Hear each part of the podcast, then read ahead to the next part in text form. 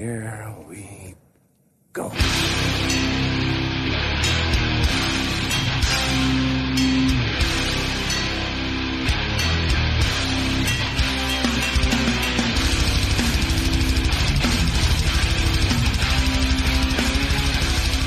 Sådär då, ner på noll avsnitt 134. Jag, Robin Lindblad, sitter här med David Olsson. Hej hej! Och Danne Nätterdal. Hej.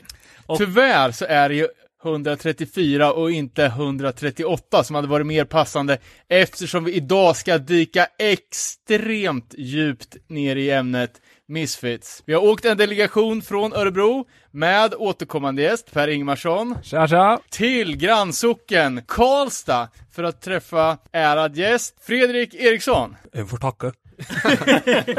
Varmt välkommen. Ja men tack så mycket. Kul att vara här, eller kul att ni kom. Ja, det är lägligt nu att eh, vi gör en eh, uppföljning på Misfits eh, ämnet, för det var ju några år sedan vi dök ner i det där ämnet. Exakt, maj 2016 säger jag Rainman. Jag tror det var då alltså. Avsnitt 41, så det är ju Jäklar. det är ett tag sedan. Och vi värmde ju upp här på ett jävligt spännande sätt genom att få se din schyssta Misfits och Samhain och Danzig collection. Liksom. Ja just det, just det. Ja, det var ju riktigt mäktigt att se den där samlingen. Där har man ju trånat efter länge, se alla dyrgripar. Så att det var Gåshud väldigt, väldigt Litet intressant att se. Ja, ja jag, är, jag är lite da- darrig fortfarande Ja, faktiskt. jag har inte riktigt smält än, men det kommer nog ta några dagar. Eh, grymt. Men jag tänker vi ka- kastar över bollen direkt till Fredrik. Hur kom du egentligen in på Misfits från första början? Ja, det började ju när jag var liten. Jag har alltid varit fascinerad av eh, monster och den sortens image. Så när jag var liten spelade jag mycket tv-spel och då var det liksom eh, Castlevania som gällde, Resident Evil 1 och 2. Och sen började jag lyssna på, på punkrock. Då var ju med Tony Hawk 1 då, när man började lyssna på eh, Goldfinger och det var Millencolin, lite gammal Blink 182. Och sen hörde jag eh, Skulls och Night of the Living Dead hos en kompis. Och då hörde jag liksom direkt att, eh, jag visste inte om vilka Misfits var innan liksom. Men jag bara hörde det på hans Winamp playlist. Och det hördes det direkt liksom att det var, det var, det passade mig liksom. Det var punkrock och det var horror kombinerat. Jag kunde se att de hade den imagen liksom. Bara genom Bara att genom höra. att lyssna. Det inre ögat skådade. Ja, det var bara tjo. Alltså, det var, Första gången du såg en bild på dem? ja, men det var väl, eh, det kommer jag fan inte ihåg. Men jag, jag är ju så här, jag är väldigt, när jag hittar någonting som jag gillar så ska jag liksom, jag ska veta allt om det. Så det var väl i samma veva liksom. Och då var det de här gamla livebilderna liksom från 80-talet med Doyle och Jerry liksom. Två monster och sen har du Glenn i mitten. Och när började du samla på Misfits skivor och prylar? 2011, enligt mina noteringar här. Det började liksom direkt med att jag dök ner i, när jag började lyssna på Misfits då, och kolla i deras diskografi och då hittade jag de här gamla singlarna liksom och fan coolt det vore att ha alla de här. Men det var ju liksom, då var man arbetslös, man hade inga pengar, så det var liksom bara, Och då, det, det var var inte, bara drömmar liksom. det var inte bara att gå ner till skivknastret i Karlstad och nej, köpa det var en inte det. ex. Nej, så uh, det kom några år senare där. Men är du uppväxt med liksom vinyl och, och eller är det liksom Vi hade ju vinyl hemma. eh, Men det var ingen som mina föräldrar lyssnade på liksom. Men eh, jag har alltid varit, haft det här samlar, samlargenen liksom. Mm. Så, nej men de har väl köpt liksom Millencolin, vinyl liksom, men inget liksom allvarligt så. Utan det var väl mer med Misfits det började. Mm. Och sen har man samlat vinyl som fan efter det. Och vilken är din favvo Misfits release rent musikaliskt och vilken är din, alltså kronjuvelen i din samling eller din favoritgrej?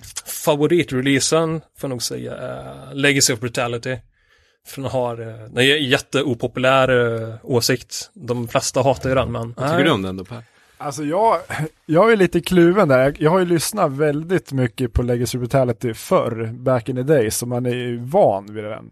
Men sen när Stark Age kom, då är det väl så att, ja men så lät det väl när de spelade in den där januari 78 och sen la ju Danzig om sina grejer, så man, man är lite kluven idag, men den, den ligger ju mig varmt om hjärtat i originalutgåvan som 85 i och med att den är, det är då den kom ut, de låtarna hördes för första gången. Men idag måste jag erkänna att jag lyssnar oftare på Stark Age, gör jag. Så, Ja, det, inte- det ja. jag gillar med Legacy of Brutality det är ju den här uh, spöksoundet som man har liksom. Det är ju lite som man har i Sam sen. Det är mycket reverb liksom och jag, gillar, jag gillar det. Ja, det låter som en B-horror-movie liksom. Ja, man hör att det var Danzig som var inblandad i produktionen Ja, men där. precis. Det är väl nog därför som det är min favorit. Och sen är ju Hybrid Moments där, det är ju typ bästa låten som har skrivits. Ja, den Ever. är ju ruggigt bra, så det är Ja. nästan för bra. Ja, Eh, den, alltså, den är... alltså ja. den, ja, den, och just den versionen från Legacy of Brutality, den är... Ja, ja, riktigt det bra. gifter sig bra där med all reverb Ja, men det jag. gör det. Eh, jag kan tänka mig att det är mycket digitala kontakter. Det är så man kommer över de här memorabilierna. Ja, jo, men ju- så är det ju. Så är det, absolut. Du har ju det här Misfits-kontot, eller Instagram-kontot, The Misfits Vault. Ja, just det. Stämmer. Jag kommer lite i efterhand för att komma i kontakt med personer med samma intresse, typ. Och så är det alltid kul att se. Jag tänker på andra. Det kan vara kul att visa Ja, ja. vad, vad jag har. Men det har ju fått bra spridning där konton, många som har kommenterat och gått Ja. in och Roger Miret och company. Ja. Så det är kul att se. Det, Ja, är- ja, men det- ja. Det är kul att dela med sig liksom. Och vi har ju sett att det, det finns ju liksom ett, verkligen ett die hard misfits samlar community som känner varandra och som har, som har gått, gått lös på det här. För det är ju liksom en, det är inte som, som att samla på alla band, utan det här är ju lite next level. Det känns som att det Ja. finns en vetenskap bakom det också. Det Ja, också det, varit... ja, Ja. Det, det finns så mycket man kan... Det är kul. Ta. Ja, för det är liksom, det är en del eh, mystik kring det här. Alla pressar, alla varianter. Och nu, nu börjar ju man komma liksom lite närmare hur det egentligen var, var gjort när de släppte. Så Precis. det är kul att se. Nej men sen mycket, mycket av grejerna, de har gjort sakerna själva liksom. De har kört screenprint, de har eh, klippt ur eh, sleevesen och limmat dem och Ja, det gör det liksom custom made kuvert. Det blir liksom coola saker, det är en personlig Ja. touch på det Det är liksom. verkligen DIY Ja, där. det, det är nog det jag gillar mest tror jag. Ja. Och när vi kollar på, kollar i samlingen så var det bara vissa grejer som den här, det här, det här ska vi tala lite tyst om, för det här är liksom för sjukt för, för att folk ska veta. Men har du någon, någon grej som du, som du är liksom extra stolt med, stolt över eller någon favorit sådär? Om det är ju setlisten från eh, Bob's Place. Den spelningen var 83 tror jag. Ett ställe i Los Angeles. Den är en setlist från, från den eran är typ omöjlig att komma över. Men du vet att det är ett original för att, Bland annat, det finns eh, ett fotografi från den här spelningen eh, med fotografen Kevin Sack. Eh, och då är det en bild på Doyle eh, och så är det hans förstärkare. Och på den här förstärkaren då ligger det här setliste.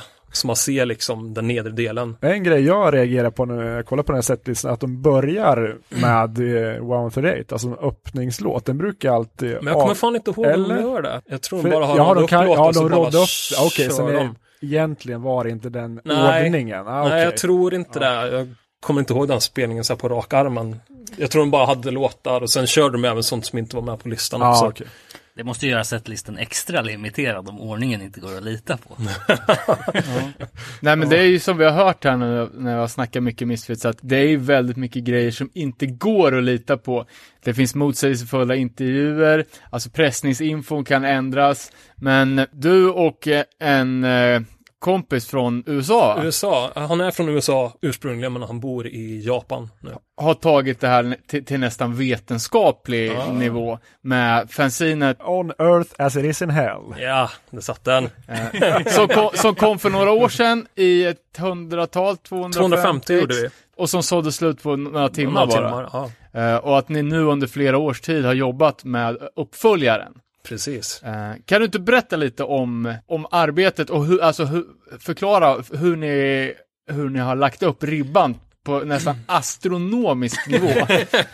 Ja, men det är ju, det är ju mest eh, Michael heter han, Michael Goodman. Det är hans förtjänst. Och sen är det även en kille till som är med och intervjuar folk. Han heter eh, Jeff Sims heter han. Det, det är så mycket, eh, diskografin som finns ute idag, det är bara mycket gissningar liksom. Det är ingen, det är ingen fakta bakom sakerna. Det vi har gjort, vi har kollat liksom, vi har undersökt liksom skivorna fysiskt. Vi har kollat papperskvaliteten liksom på sleevesen, vi har eh, Det har vägts på det har vågor. vägts på våg och det är UV-lampor och det är... Ja, Ja. jag älskar sånt alltså. Det är riktigt, alltså nörderi till absurdum. Jag, jag Ja. kommer verkligen grotta ner med den där signet sen, för det kommer bli sjukt kul att läsa. Ja. Eh, och du har ju berättat om en hel del nuggets som, eh, och eh, revolutionerande upptäckter som ni har hittat under arbetet med det här. Ja, precis. men ni har också tagit fram en, en ny teknik när ni, när ni mäter placeringen på matrixskrift. Ja, det här är, nu kommer de behöva göra om hela Discogs liksom. Ja, det Eh, ja. Nej, men grejen är att det kom Michael på att på en skiva så har du på A och B-sidan en Matrix-skrift. Det är oftast katalognumret på skivan. Ja, eller någon text eller vad som helst. Då kom han på det att om jag tar A-sidan och så tar jag första bokstaven i Matrix-numret och lägger den på en, vi har liksom gjort som en mall då, som är som en klocka. Och då ska du lägga så att första bokstaven ligger i position, ja, eller tid nummer 6. Och sen ska du vända på skivan vertikalt och så ska du kolla vart första bokstaven på B-sidan hamnar i matrixskriften. Och så ska man liksom göra anteckningar på det här. Och så, ja, det vi har gjort, då, vi har ju frågat alla våra Misfits-polare liksom att kan ni kolla era skivor också? Och då har vi fått fram data på det här då. Eh, som, För, för ma- matrixskriften stämplas in, så att det, stämplas ja. vid, vid samma runda så kommer det alltid bli På samma ställe. Samma ställe. Ja, det är som, eh, när du pressar en skiva så är det som en, ett våffeljärn kan man säga. Att du har matrisen på under och översidan och sen lägger du en varm puck med vinyl och så pressar du ihop det här. Så det blir en replika av ja, matriserna liksom. Så, eh, Det är ju den här äh, grejen att komma på det, det är ju genialiskt, det är revolutionerande för all, Ja. alla pressar i mindre upplagor. Jag har ju gladeligen bidragit till er Ja. med mina det vet jag, vi är jättetacksamma för det. Så Ja, för, jag såg det, ja. sk- det skickades ut ett, ett fo- formulär där man skulle avgöra färgtoner på halloween-singeln till exempel och liksom och- Gramvikt, 16 gram. Nej men alltså jag gillar ju sånt där, för det där, det där kommer ju, kommer man verkligen eh, nära hur, hur det pressades Ja. eh, då. Så generellt då så en, en matris kan användas upp till mellan 500 och 1000 skivor. Så då kan man avgöra beroende på hur många olika positioner du har då. Som man har fått in. Kan man räkna ut hur många skivor som har pressats. Så har du till exempel bara en position då. Som vi hade på eh, uh, Cuff Cool till exempel. Då är vi ganska säkra på att det är 500 som har pressats av den. Men hur mycket varierar det från de andra singlarna i Matrix Alignments? Alltså är det stor skillnad eller kan man direkt se att Threats from Hell vit, är det en press eller är det två? Vet man det på eh, folk som har skickat in eller för få som har skickat in för att kunna säkerställa det? Alltså, jag kommer inte ihåg exakt hur mycket vi har fått in av alla, men eh, där såg vi till exempel på Treat from Hell, då har det ju, den vita var den sista de tryckte. Och sen finns det ju även en variant med, eh, och det ska jag tillägga, på den här vita finns det en eh, ytterligare en Matrix som inte är med på de tidigare pressarna. Och eh, då finns det ju även en, eh, en svart vinyl av Treat from Hell. Som Ja, är ja, ja, du tänker på R-matrixen. R-matrixen, ja. ja, precis. Den klassiska Så R-matrixen. då, har, då har vi jämfört den svarta och den vita. Och de har samma matrixplacering Ja, då. ja, ja. Och då Så vet de man är att från det samma press. ja, från samma runda. Ja, precis. Eh, Så där kommer vi fram till det också. Att Ja. de är pressade vid samma tillfälle. Eh, ja, så det här har ju varit rena CSI-arbetet. Eh, känns, det, känns det som att ni har liksom lagt ribban för högt och tagit i vatten över huvudet, eller Alltså, det- ångrar ni att ni, blev, att ni är så här seriösa? Ja, alltså det är ju det är grymt mycket jobb bakom det här och eh, sen ska jag ta kort på allt det här och förklara och det är kort med UV-lampor och så det är sjukt mycket jobb bakom det så man har ju gått i väggen några gånger med det det ska jag väl erkänna. Sen är jag ju ganska petig också när jag redigerar bilderna liksom. Varenda dammkorn ska ju bort liksom. Det ska vara cleant och fint liksom. Men den lilla previewen vi fick, det ser ju riktigt snyggt ut. Så att vi Ja, ser fram emot den färdiga produkten. Ja, men det vi är superpeppade. När, eh, hur många ex blir det den här gången? Ja, det blir nog inte så många på grund av den här stämningen då som... eh, 138x. Ja, precis. Nej, men eh, vi är lite osäkra på hur många. Det kommer säkert bli en liten upplaga på grund av det här som har hänt med Scream With Me-boken. Och det var ju en bok Ja. som släpptes här, för ett år sedan kanske? Ja, det var det 2019 precis, precis ett år av sedan. ett Ja. eh, fan som innehöll massa kul grejer. Ja. Så då blir det lite att då kommer nog vi backa lite, tyvärr. Alltså bara backstory på det, vilka blev han stämd av? Det var ju Misfits, eh, vad heter de? Misfits va? AD, Ja, okej, Danzigs ba- eh, bolag. Ja, okej, okej, det var så. De hade ju då Crimson Ghost på eh, omslaget på boken som Misfits i sin tur har snott. Så ja, att, ja, eh, exakt. Det är ju eh, Circle Jerk. Nej, och sen tror jag var en tab- tabbe att de tog med Tom eh, Begrowitz, heter de. Han har Ja. varit med och gjort den här och de gillar ju inte han. Han jobbar ju för Caroline Records och skötte eh, releasen med boxsetten och 12 hits and Hell och allt det här. Så de Ja. hade väl ingen jättebra relation. Jag tror det här bidrog, bidrog lite till att, att det blev som det blev. Eh, Jag tänker på, på ditt personliga samlande här. då. Vad skulle du säga är de topp fem omöjligaste Misfits-relikerna? som, och nu tänker jag närmast på eh, skivor. På skivor? Ja, okej. Eller om du, om du har, har jag, några har, andra jag, har ju idéer. jätte, jag satt och klurade på den här jättemycket. uh, ja, men såklart är ju trepacket då, Evil Live är ju, den går ju typ inte att få tag i. Så det, det är ungefär 10 stycken ex per Tanken var ju att han skulle göra 11 set, tror jag, totalt. 11 set. Ja. Ja, precis, med tre skivor i varje då. Men han fick bara ihop nio. Och så fick han ihop ett, ja, en, eh, en tionde där bara med Glenn-covern då. För det var ju förr lite snack om att det skulle vara 33 set, men det lät ju lite för mycket med Ja. så här, så att man är ju... Jag tror han gjorde en tabbe där, för Ja. det står ju på baksidan där så är det numrerat ett nummer av 33 Ja. står det. Så har nog gjort lite fel. Ja. Vet ni vem som har den? Jag vet två som har den. ja Och har de här funnits liksom på den öppna marknaden någon gång? Nej, det är ju så underground. eh. Ja, det, det finns ju inte att någon lägger ens, ens lägger upp det där, för det är ju så Det rare. finns inte så mycket Nej. pengar på hela jorden. Den- är, den är så rare så att sk- skivan finns ju knappt. Det skulle vara jävligt spännande dock om en sån här hamnar på Ebay. Det hade varit fan galet. För vi har ju sett, 2020 har ju, alltså, för varje år blir man ju förvånad vart, vart skivpriserna tar vägen. Men 2020 för Misfits, Det är Det- fånigt skulle jag vilja Ja. säga. och vi prismässigt. kommer väl gå in på det i detalj om en, om en stund. För, för jag tänker att ni som är ute på Discogs och vevar bland delikatesserna, alltså ha- har man inte märkt i år att folk är så här, ah shit, jag är i behov av deg, nu lägger jag ut den här rare. Ja, alltså jag trodde det skulle bli tvärtom. Att nu kommer folk inte lägga så mycket pengar på skivor. För jag hörde jättemycket från samlarcommunityt att, att dels folk var livrädda för att deras besparingar i form av vinyler skulle bli värdelösa, för att Ja. ingen någonsin skulle ha pengar. Ja, Och att räkna med att skivpriserna kommer droppa markant. ja det, det, var, ju- men det, det- trodde jag också. Men det blir det inget. Tvärtom med Misfits. Tvärtom, ja. Nej men jag tänkte kanske man kan täppa till något hål man har i samlingen men det, det slutar jag köpa istället. Det var, det var trepacket. Vad finns det mer för Eh. knasigheter där ute då?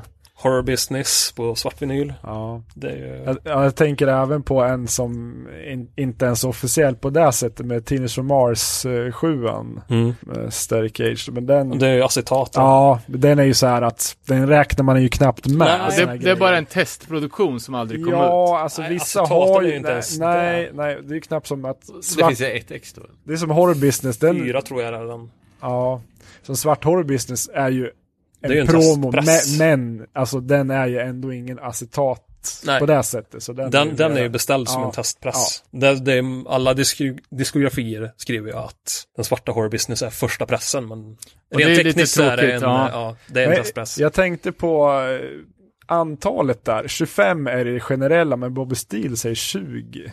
Ja. Vad är det som stämmer där? Är det, Det eller är ingen som 10? vet. Det är någonstans, det är 20 eller 25. Ja, Vi har, vi har inget bättre svar på det, men Nej. det är någonstans där. som då gavs ut där när de var förband till Damned i New York va? Precis. Mm. Sen har vi ju även, det finns ju några sådana testpressar som är 12 Hits from Hell existerar ju. Okej. Mm. Den finns det en testpress av. Ja.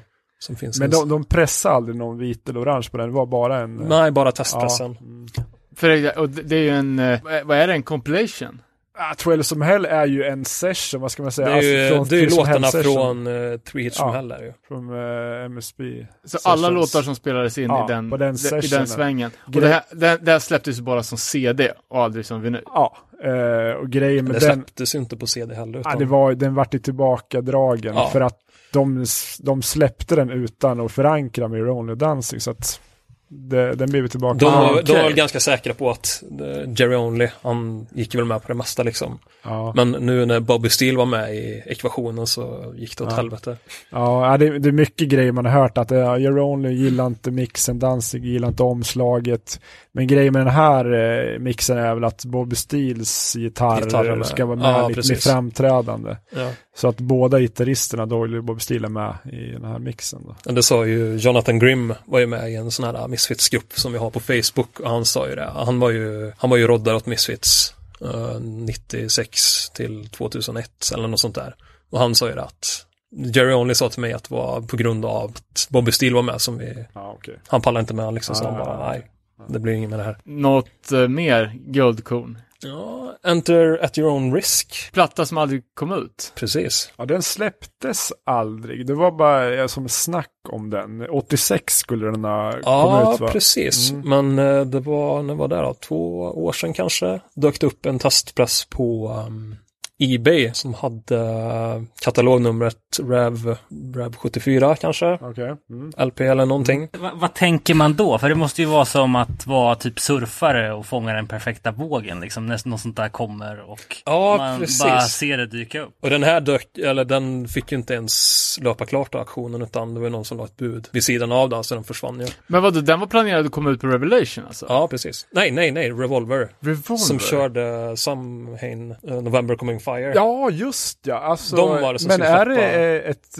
eh, engelskt Ja, bolag? precis. Ja, Ja. ja. ja. Okej, coolt. Okej. Men hur många steg måste man gå igenom i ett sånt där läge för att verifiera äktheten? Liksom? För jag menar, om, det måste vara oerhört svårt som köpare att liksom veta att man får det man ser. Ja, precis. Men det var bilder liksom på uh, Matrixen och allt det här.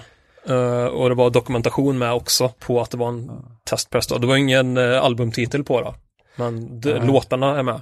Men det enda jag har sett av den, det är ju alltså bakgrunden på liner notesen i boxen av Erivon, att man ser ju låtordningen där. Mm. Jag har inte sett någon, något fysiskt ex ens på kort av någon testpress eller någonting. Jag har det i datorn här faktiskt. Ja, okej. Det, det, står, Det det står ju här, eh, som jag har hittat från, från Discogs, att eh, den annonserades ut i, i Thrasher. Kanske det är 86-numret Ja. när, när Glenn Ja, är på omslaget. precis. Stämmer. Så att det, det finns ju ändå bevis för att den har funnits. För jag menar, det dyker ju upp med jämna mellanrum testpressar på olika bootlegs som marknadsförs som olika lost tracks hit och dit och sådär. Det var ju lite fult också. Det var ju också en Misfits-grupp. Den här snubben då som sålde den här your own risk på Ebay. Han hittade ju flera sådana här. Han hade tre stycken tror jag. Och då var det ju en, uh, en, en samlarkompis som la ut de här bilderna på Matrixen och allt. Och frågade, är den, är den legit liksom? Och alla sa, nej, nej, nej, nej, det, det är falskt liksom, köp inte den. Så sa de bara för att de skulle köpa den själva. Riktiga jävla as, nej, sånt gillar jag inte. Men varför blev det inte av att den släpptes officiellt? Det var, stod inte det där Ja, jag designet med Tom Begovic, vad han heter? Nej, utan han, han gjorde ju en annan, han bara tog ju det namnet. Ja, ja. och skulle göra en annan release av det, så det är inte relaterat Ja, just det, till, alltså till det här. singelbox-grejen. Ja, precis. Så det är en helt annan sak. Det står här att det var tänkt att, bli, att det skulle vara Collection 2. Alltså, Okej, okej. Ja, för ettan släpptes på CD 86, du tänker att den skulle vara direkt efter som en tvåa? Ja, det, det står så ja. står här i alla fall. Men sen blev ju Collection 2 blev ju mycket, mycket senare och Ja. en helt annan platta. Ja. Precis. Men det var något embryo till, Ja, det är en uppföljare. Ja, till uppföljare Ja. till Collection kan man ju säga. Det som är så tråkigt med den här testpressen är ju att det bara, det är bara en sida på den. Den är inte tvåsidig. Okej, så hela är inte Så det är med. bara halva liksom som är med. Det hade varit spännande att se spåren på B-sidan också. Men... Ja, Jag tycker det är så spännande när vi satt och kollade igenom din samling att när man väl bestämmer sig för att skriva nekrologen för Jerry Only eller Glenn Danzig eller så här, då är det ju liksom det är ett oerhört tidsdokument du ändå har samlat ihop i dina permar liksom med Ja, med liksom hur det gick till förr när man hade kontakt med sin fanbase och när man marknadsförde Ja. sig som band och så Ja. vidare. Alltså, och just ju- Misfits som var så, så jäkla mycket skriva med papper och penna till fansen, korrespondensen med, med Fiend Club liksom ända från start. För det med att vara så, så jävla ihärdigt band, alltså okej, de fanns inte under så jäkla lång tid, men de, de var ändå konsekventa. Liksom alla andra band släpper en singel och lägger ner. Här har vi ändå ett band som, Ja, de jobbar ju hårt för sin grej och hade eh, som frekvent kontakt med sina fans och sådär. Nu vet jag, nu var de kanske inte ute och gigga jättemycket om man skulle jämföra med Nej. Black Flag, men alltså de, de spelar ju en del, men att hålla igång en sån här DIY-grej under sex år var ju ändå en del jobb med, med i och med att eh, Jerome Doyle jobbar på sin farsas fabrik. Ja, men det var, ju, det var ju i princip Glenn, han skötte ju liksom allt. Ja. Som hade med Finclub att göra. Sitta och limma sjuor Ja, och printa precis, ja. t-shirts och skriva brev. Nej men som du säger, Glenn, eller Jerry och Doyle, de jobbar för sin farsa liksom. Mm. Tjäna pengar där. Kunde bara gigga på helger främst. Ja. de det var väl också en anledning att de tog, eller kanske inte lika allvarligt som, som Glenn liksom. Nej, De nej. hade inkomst, de tjänade Ja. bra pengar. Eh. Glenn var ju liksom, han hade ingen jobb. Nej, Jerome fick ju låna pengar av sin farsa för att Ja, åka precis. över till västkusten och gigga och sådana här grejer. Så- Vi hade ju någon teori att Misfits inte ens var populär när det kom.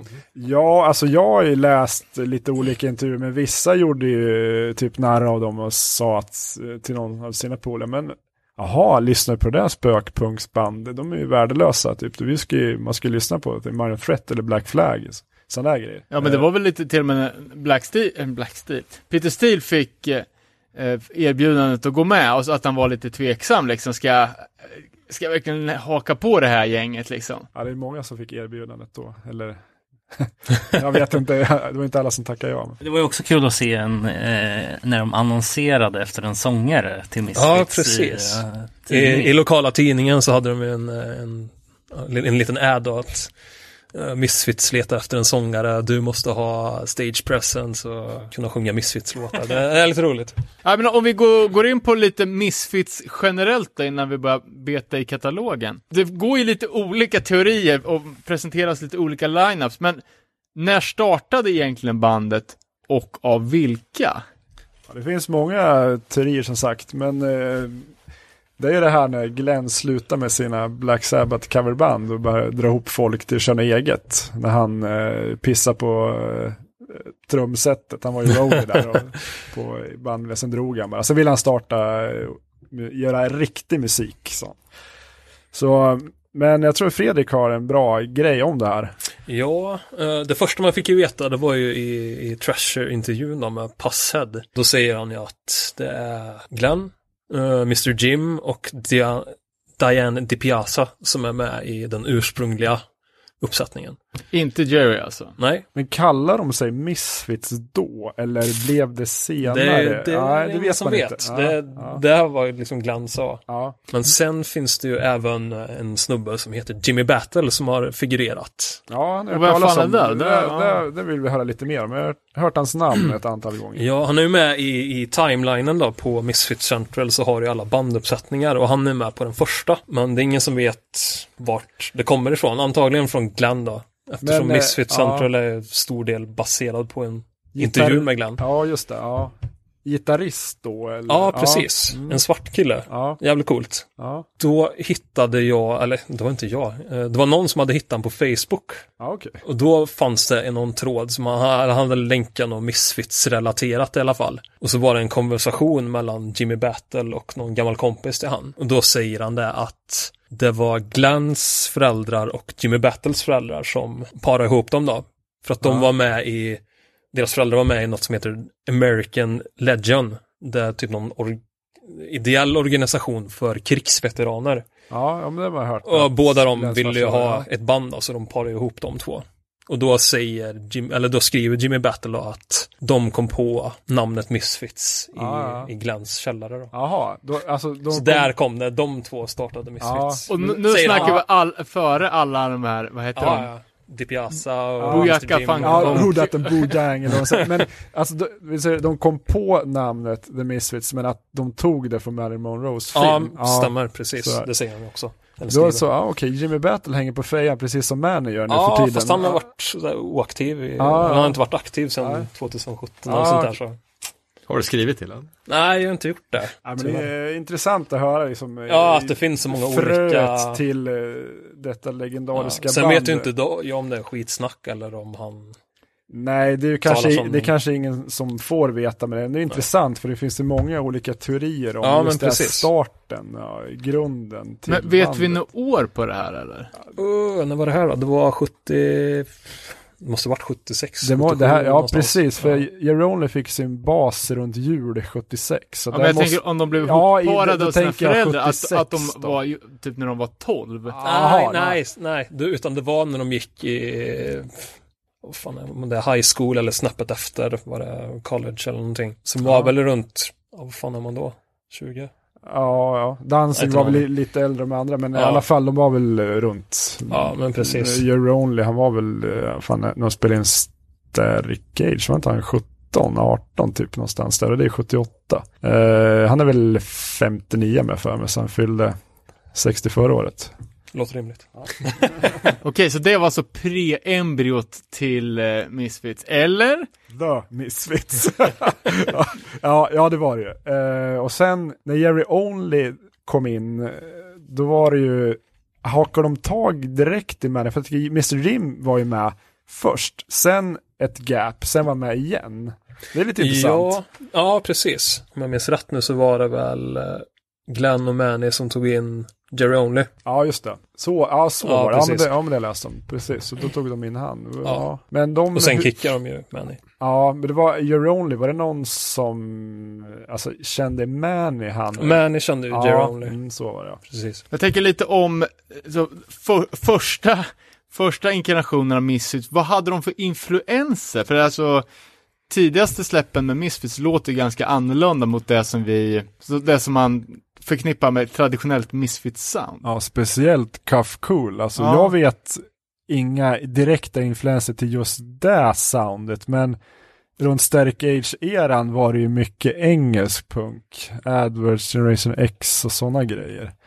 Just det här med Cuff Cool, det är för mig en gåta var Mm. de hämtar inspirationen ifrån. Sist vi pratade om, om det så fick vi in från Göteborg en uppsjö med olika band som körde punk med orgel. Innan, alltså innan Misfits. Men har du Fredrik, har du några Jag, exempel? jag är ju ganska övertygad om att han var inspirerad av The Doors. Skulle jag vilja säga. Och texterna Charles Bukowski. Ja, han, men- han tacklar mig även på uh, Cuff Cool-singeln. Han är med på Ja, baksidan. ja, just det. Men uh, ja, Doors, det, it makes sense. För att uh, jag tänker senare, det speglar sig, nu är det, nu snackar vi inte ens Misfits, men andra Danzig-skivan, Loose som Mm. är rippat Ja, Doors-omslag, så fattar man att Danzig har varit uh, peppad på Doors Men det är så kul, tid. han har ju aldrig nämnt The Doors som en influens. Nej, nej. Det, Men det, det kanske är för att den är så ibland. uppenbart. Ja, att- med Jim Morrison-sången, Ja, en men blandning precis. mellan Jim Morrison Att och han Elvis. kanske där. inte ja. vill erkänna att han Ja, har så tagit så nog. mycket. Ja, men det är intressant. Den, Så det tycker jag hänger ihop Cuff Cool med uh, Static Age. Du hör, det är lite mer poesi, Ja, lyrics där. ja, ja. Som är lite Charles Bukowski Ja. Och, och likadant Bullet som, eh, All, Ja, alla den- de här ja. låtarna är ju skrivna under samma era. Ja. Många av de här låtarna har de ju gjort liksom med piano. ja. Det körde de ju live också. Ja, ja, De gjorde ja, ja. Hybrid Moments liksom med piano. Ja, det körde In the Doorway med piano. Tänk att höra det på en inspelning. Ja. Ska ju svimma. Manny sitter ju och trycker på massa såna här band. Ah, just det. Han har lite ins- eller Han har live-inspelningar, typ de första. Ah. Sen har han ju eh, spelat in massa rep som de hade. Ja, Där hör man ju de här låtarna fast på piano. ja. för Bullet skrev han ju som en dikt 74 redan. Ja, så att den, är, den är ju med också. Ja. Jag tänker mycket texter säkerligen i diktform innan det Precis. spelades in då. Så det, det, det tror jag. ja men vi, vi snackar förs, första singeln, Cough Cool. Det finns ju två inspelningar av det här som är, som är släppta. Dels originalversionen med ett lite annorlunda sound och sen den som de flesta kanske har hört som var med på Collection 2. Ja, i boxet. ja, det är ju väldigt speciellt att höra den i den versionen med pålägg från 87. Under den samma session tror jag som de skulle göra Walk Among Us 2 med Danzig och Ja, då. precis, stämmer. Men den, Och det kan man ju tänka sig att det var för att inte de här låtarna skulle sticka ut för mycket från alltså övriga soundet. Ja, För det är ju väldigt stor skillnad mot ja, fast det här, den, den, just den låten skulle inte vara med på Walk Among Us nej, 2. nej, nej, nej. Jag tänkte på var samma med i samma session. session, Ja, ja, precis. det var- det precis. Ja. Men den är ju typ tung jämförelsevis med originalet där. Och den Walk Among Us 2, det var ju för att de hade ju inte rättigheterna för inspelningarna som är på Walk Among Us, originalet. Var det, var det Slash Ruby som Ja, ägde precis. dem? då? De ägde ju inte låtarna, men de ägde ju liksom inspelningarna. Ja, Så ja. då kände väl han att, om då kan jag casha in på att spela in nya versioner. Ja, ja, ja, I och med att de blir ju mer populära ja. mot 85-86. Ja. Liksom. Men vad, ty vad tycker ni om eh, liksom, originalet med jazztrummorna och liksom, basen är ju också en ganska stor Ja, skillnad. jag, jag tycker det är coola, speciellt B-sidan. Eh, första gången jag fick höra Chi original på Café Cool, då håller man ju på att dra sig baklänges. Så har ju bara hört det, in, alltså första låten på Collection, att ja, men cool låt, den är ju bra, men så fick man höra originalet och man hör basgången mycket tydligare, alltid lite så här, ja men jazztrummor Ja. och lite Orgeln, mera fattig produktion och sådär, men ja, jag, gillar gillar den. den. Ja, den är bra.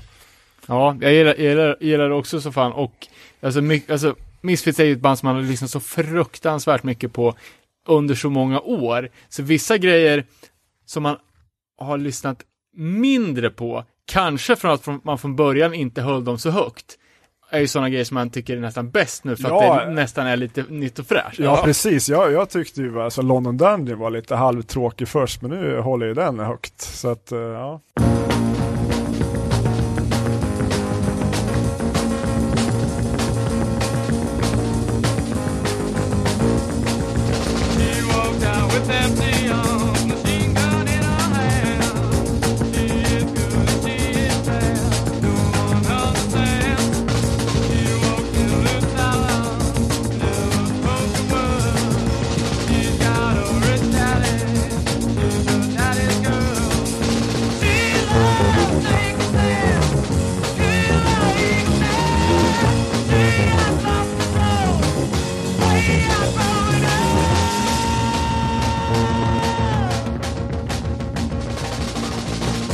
Är ni, är såna här som säsongslyssnare?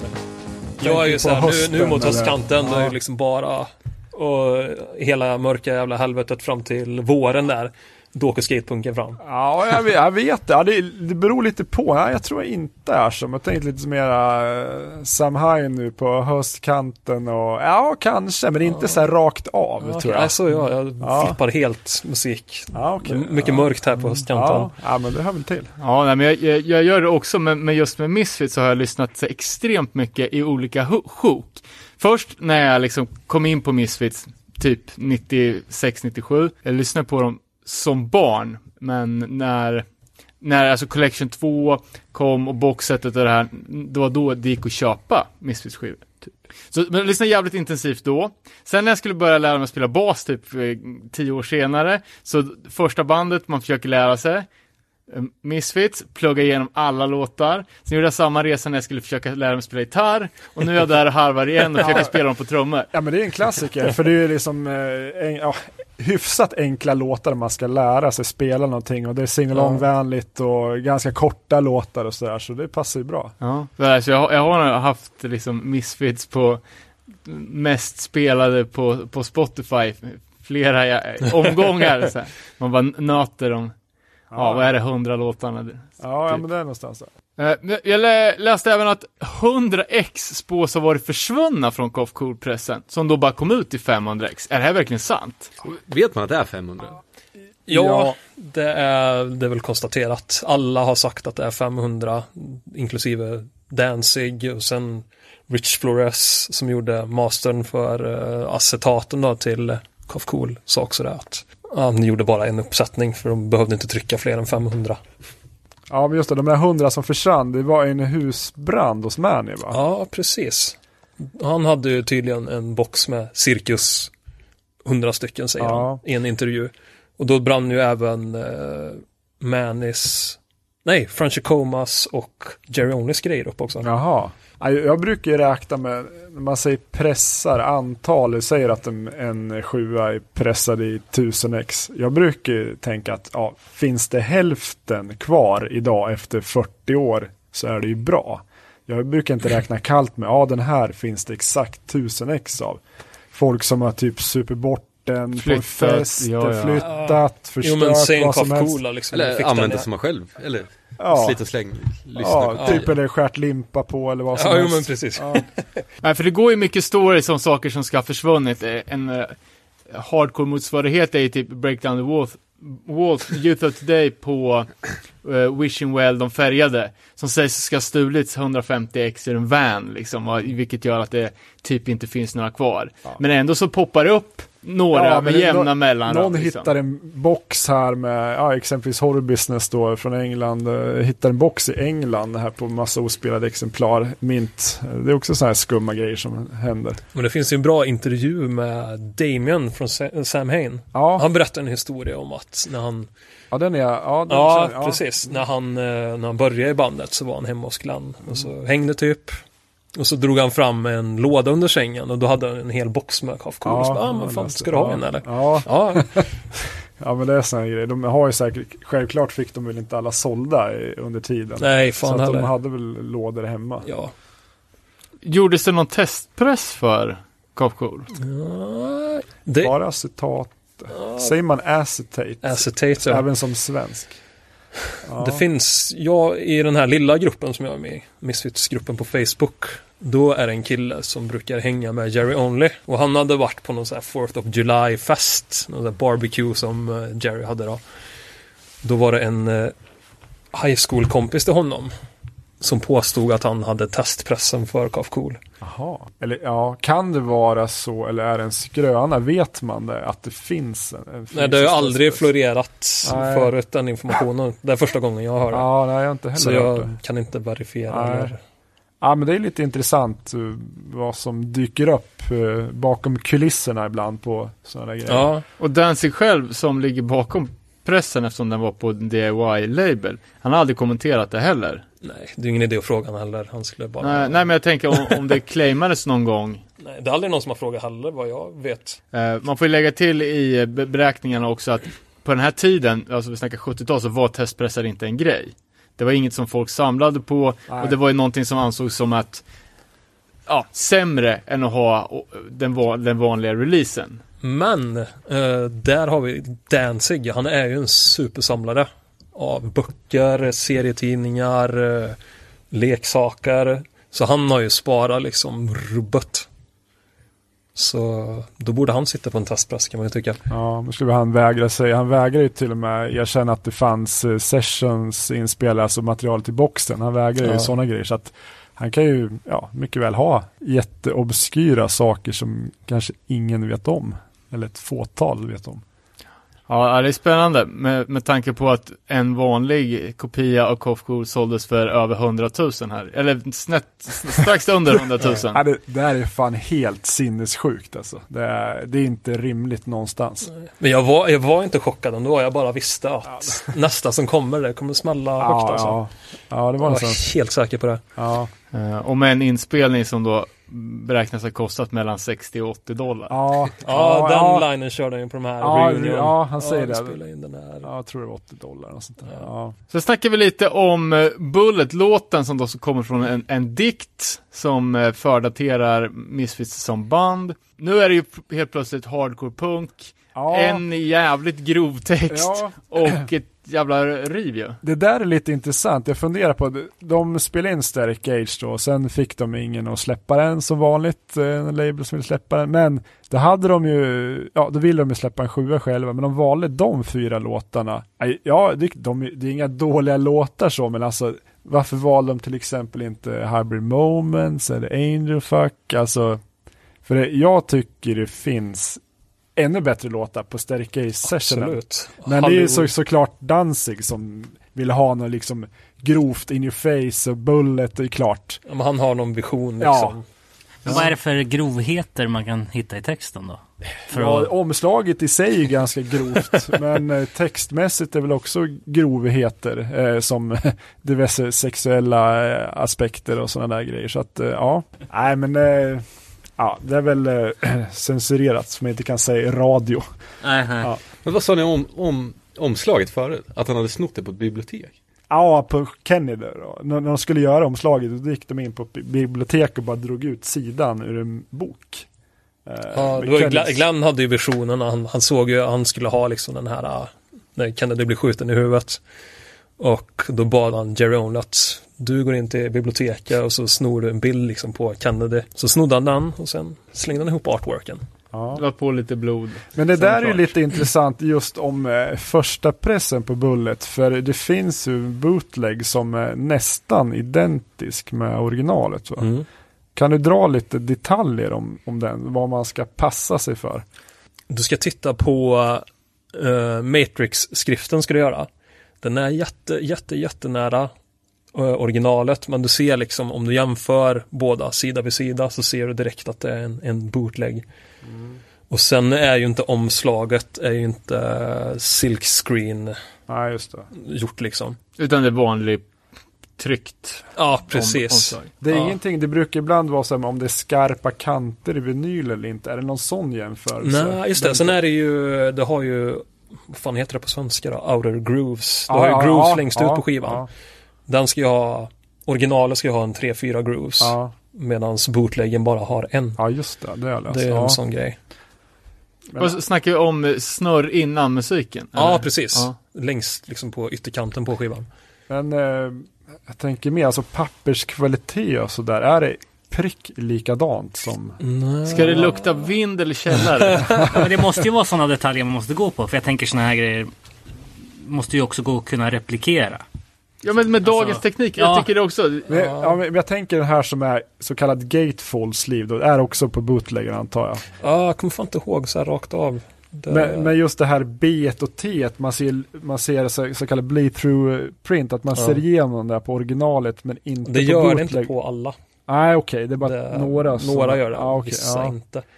Men man skulle kunna Men det säga... är, det är små detaljer, kommer jag på nu, på bootleggen. Det är något så här blodstänk på Ja, ett det. ställe som Ja. är svart istället för Ja. rött. Det är en så här klockren. Ja det är ju, ja. det. Varningsflagg. Ja. Ja. Men den, man skulle kunna säga att den är lättast att halka dit på och bli scammad. Ja, men det har jag snackat med Roger Muret Ja, från Agnostic Front om. Han köpte ju bootleggen back in the days Ja. liksom. Han var ju helt säker på att den var legit. ja, ja, Men sen fick jag reda på att ja, sen, ja, år senare att det var ju bootleg. ja. Så pass bra är den. Ja. Och då kände han ändå bandet och var med från, i princip från start i New York, New Jersey-scenen.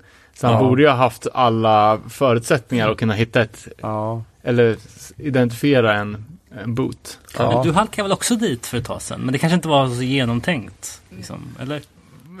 Nej, jag vet, jag var ju livrädd för att eh, de här återfunna horror business-skivorna från England som jag köpte, att det skulle varit en counterfeit. För att jag tycker att den storyn är för bra. Alltså det är för, för bra liksom eh, skick på skivan och storyn för bra, men jag tror inte att det är en bootleg. Ja, den är ju det är- officiellt erkänd som Ja, ja. legit. Ja. Ja. Nej men det har jag inom mina kretsar liksom. Jag känner ju de här toppsamlarna, Umberto och en massa andra snubbar. Och jag frågar dem som har köpt de här, är den legit eller? Och de säger ja. För du kan inte replikera Matrix-skriften liksom. Det går inte för den är handskriven. Du kan aldrig få den 100%. Hur, hur många ex var det de hittade i den där lådan? Ja, det pratas ju om 200.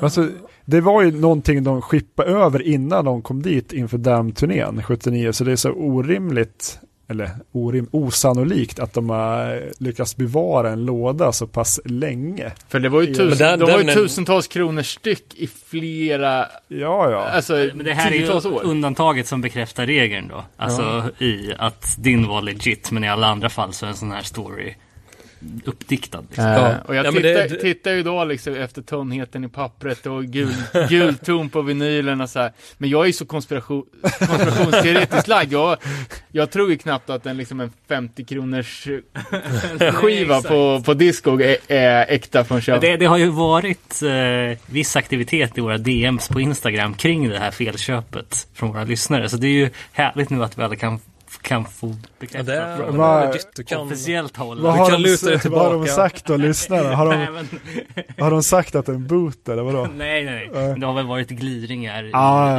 i Ja, det är för bra för att vara sant helt Ja, enkelt. men typ. Ja. Nej men det är väl en låda liksom som de bara stått i någon förråd eller någon garderob som någon bara har glömt bort liksom. Någon promoter. Det var ingen som brydde sig om Misfits liksom Ja, i 79 nej, i England. Nej, Nej. nej. nej, jag vet inte vem som har hittat den. det var någon, någon snubbe i England i alla fall Ja, som ja, hittade den här lådan. Intressant. Och det var väl cirka 100 stycken om jag inte minns fel. Det var en Ja. låda i alla fall. Ändå ganska många. Ja. Ja. Men hur många är det i en sån Ja, kartong? Jag tänker väl- efter själv på det via Ett, pressa. ett standard, standard vinylkartong är ju för 20x. Ja, Ja, precis. en Men sen är det ju, de är ju stackade i en större kartong. Ja. Och då brukar det vara 100x Mm, i en minst. stor kartong. ja. Finns det fler exempel på sånt som, som ni har sett genom ert år av samlande och jagande just i Misfits-katalogen som bara har dykt upp från ingenstans eller som har varit på wishlisten länge och sen liksom... Alltså jag vet en del skumma saker. Jag har sett någon sån Beware som varit sealed och alltså några stycken eller vad, ja. Och då tänker man, vad fan är det här liksom? En sealed Beware från 80, liksom, men vad, hur kan den ens vara sealed i 40 år? Jag skulle också vilja säga Beware för att Ja, det är väl en av de få Misfits som jag inte har någon som helst, inte ens ett, en fjärde press liksom. Så den är högt uppe på listan och ändå av de som fortfarande går att köpa rent. ja Teoretiskt. den, den, den går ju att få igenom ett köp på. Än idag faktiskt. Gör så det. den är ju liksom väldigt högt upp på, på min wantlist. Eh, men eh, för några år sedan, fyra, fem år sedan kanske, så dök den ju upp jävligt ofta helt plötsligt i toppskick. Det var aldrig någon G plus, utan det var alltid ner det var mint. mint minus. Ja, Allt. typ på en, en fem, sex stycken samtidigt. Man hittade en låda där med, med Beware från Ja. England. Ja, det, kändes, det känns ju jävligt skumt. Precis som att Nervous Breakdown med Black Flag har dykt upp i olika skov. Sealed SSD-stickor. Men, ja, Ja men det, det är också, det är skumma grejer men jag vet inte, får man Ja. någonsin svar på det eller ska Just man de här har inte jag det? sett själv, men grejen med Beware att den är ju någon centimeter kortare, sliven. Ja, och sen är väl alltså kartongen, eller kartong, omslag ganska fladdrigt. Fladdrigt, ja, precis. så är det ju. Så det går ju. Och sen där äh, röken de säger det, fast det är tydligen från någon blixt från Jeronis axel Ja, det där. finns ju lite olika Ja, teorier ja. om det där. men det är konstigt också att bootleggen som är en kopia av originalet inte lyckas få, få till röken. Ja, Ja. Den, den finns, den är typ svart bara. Det är Ja, inget så här, precis. den är väldigt så här Ja. äh, pitch black, det är inte så här grå Mycket ton. kontrast liksom. Och det är ju ja, men en, en rökeffekt som, som, som, som syns på skivan och det är ju liksom svart på svart. Så att det är väldigt svårt att eh, men den, ja, på något sätt. men det, där har vi även på själva vinylen, själva den lilla stämpeln där på Ja, A-sidan. Men nu, nu har vi hoppat lite långt kanske. ah, ja, men det finns mycket att prata om. Ja, kan- Night of the Living då? Ja, det, det, det skulle jag vilja prata om, inte själva pressen eller som sådant, men inspelningen tycker jag eh, låter för jävligt måste jag säga. Alltså det är in- riktigt sunkigt. Inspelningen i sig är väl bra. Det är någonstans Det, det är någon lev, där. levels, alltså av någon, jag Någon läste i boxen som är the levels were way too low säger För du har ju de sessionerna i boxsetten. Ja, men De är ju inte alls lika muddiga som vinyl. Nej, men jag, jag, jag reagerar främst på trumljudet om man jämför då uh, horror business. Hoppar vi, ja vi körde lite på det. Men det är ju skitbra. Svinbra inspelning och image, piska skiten ur skinnen. Men sen på Night Ring Dead ett halvår senare i Songshop, en annan studio, låter det typ sämre än en portad demoinspelning på trummorna. Ja. Men är ju- alla låtar ja. överlag där är ju väldigt, de har dragit ner på Ja, tempot. Om Hela den på- sessionen Ja, på, precis. men en grej som är cool med den sessionen att det är första gången man fick höra ett, ett helbandsset uh, på Spook City. Det är första gången för att Misfits kör Spook City, annars har vi hört Danzigs version. Så det var ju kul att höra första gången Mm. man lyssnar på boxen. Men överlag eh, sunkig inspelning men eh, annars eh, visuellt svincool. Med glow in the dark eh, skrift. Har jag upptäckt. Ja, det var nyheten. Om du laddar den med en UV-lampa och sen släcker du taklampan så kommer du se att den lyser. Men lyser den i mörkret också utan UV-lampan? Nej, du måste Nej, ladda ja. den med UV-lampan först. Och det är även, eh, gör även Freeze from Hell. I varje fall de jag har provat.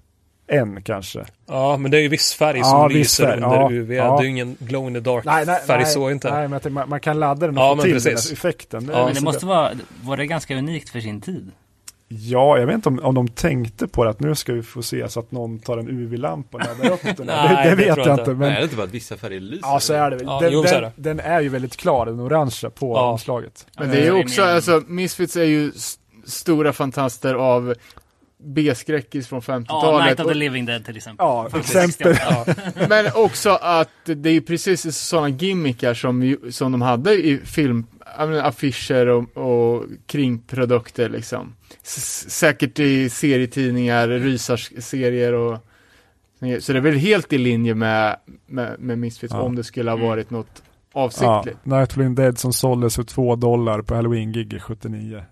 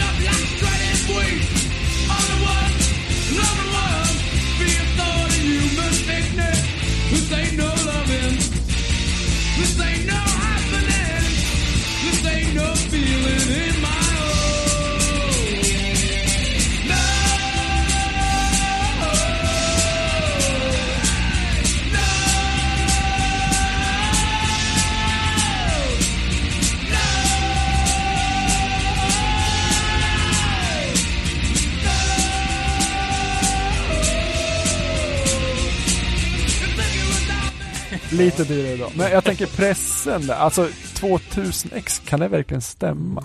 Eller till och med tusen. Det Tusen, låter jävligt ja. lite. Eh, Det finns ju en intervju med Bobby Steele och han Ja. säger att nej men Glenn körde alltid minimumpressen och det var tusen. Ja, Men för, är inte Horror Business 2000 Det är X 2000. erkänt? ja, men det är erkänt att det är 2000 på den gula. Wow, wow. För, 5000 ja, förut var det också. förut 5000, Precis. 2000. För det var ju en rimligt. kille som het Kevin Finn, där satt han. Ehm, han har ju gjort mycket av diskografin som är på uh, Misfit Central. Och han har ju lite samma tänk, eller det var ju Michael som gör On Earth as it is in Hell med mig. Ja. Han blev inspirerad av Kevin Finn. Ja, För han gör ju mycket matematiska ja, uträkningar. precis. För han och- hade någon förut för Precis, typ det 20 finns år ju en- sedan. Ja, Han hade kommit fram till att Beware var 3120x. Typ. Ja den är ju den enda som det finns pappersarbete på. Ja, så, ja okej, där har han tagit liksom, precis. Men annars var hans uträkning intressanta på liksom eh, sannolikhet och Ja, sådär. Precis, så han hade ju ett helt annat tänk och det var ju det Ja, min polare Michael blev inspirerad av. ja, ja men det är bra. Komma till botten med dessa siffror. Men vad, vad tror du då? 1000 eller 2000 på Night Jag Dead? tror ju tusen. Jag kommer fan inte ihåg våra analyser från boken, men Ja. jag tror det var tusen. Ja. ja, men Jag kommer fan inte Ja. Men det är extremt lite. Men den är ju alltså, den är inte så här idiotdyr ändå mot övriga. Nu är den ju där, men alltså när det var mer rimliga priser. Nu är det så här 10 000.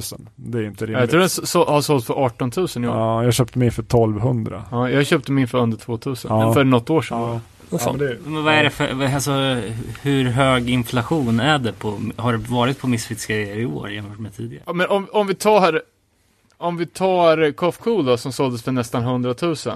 Senast den såldes på den öppna marknaden eh, på Ebay 2016, då såldes den ju kanske tre eller fyra gånger det året. Okej. Eh, och då låg de ju runt 30 000. 3500 tror jag den senaste var. Buy it now på Ebay. Det var en kompis som köpte. ja okej. Eh, Så vi har ju tredubbling på fyra år.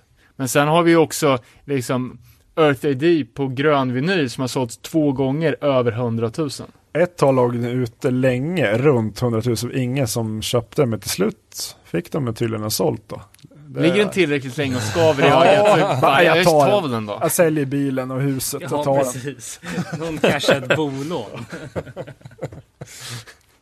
Nej men det var väl en som var utan köp nu-pris som gick innan den här. Uh, den såldes för 100 000 och då var det någon mer som skulle casha in på det här. Så han satte ju buy it now-pris liksom.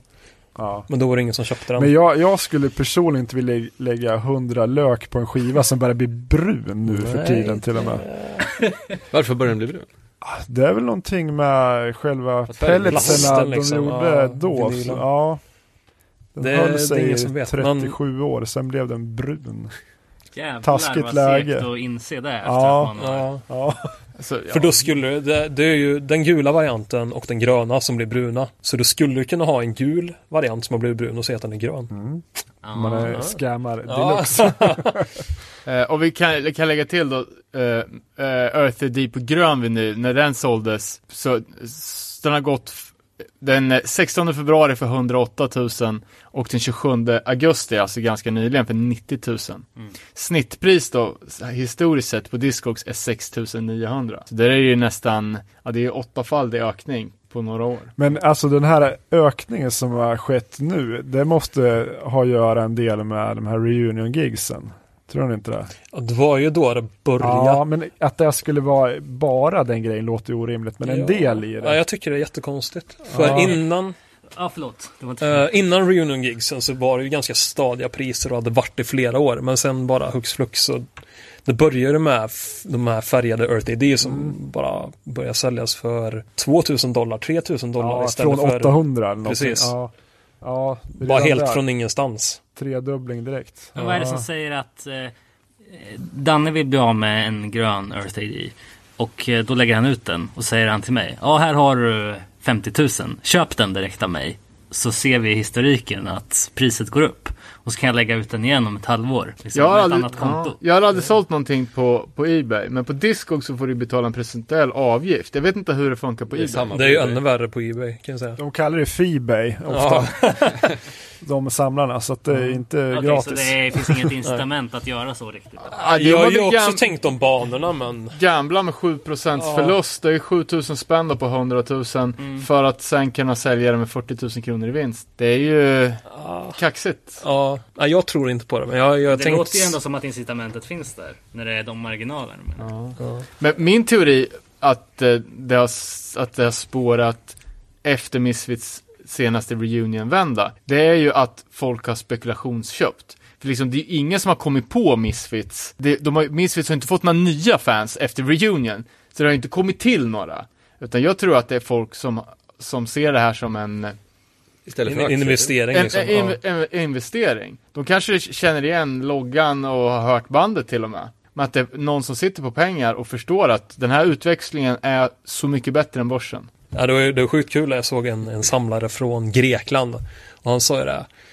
Alltså, jag investerar ju inte i liksom aktier eller någonting. Utan det är ju helt värdelöst. Jag investerar i skivor istället. Ja, men just nu är det ju säkert, verkar det som i alla fall, investera i skivor. Speciellt Misfits.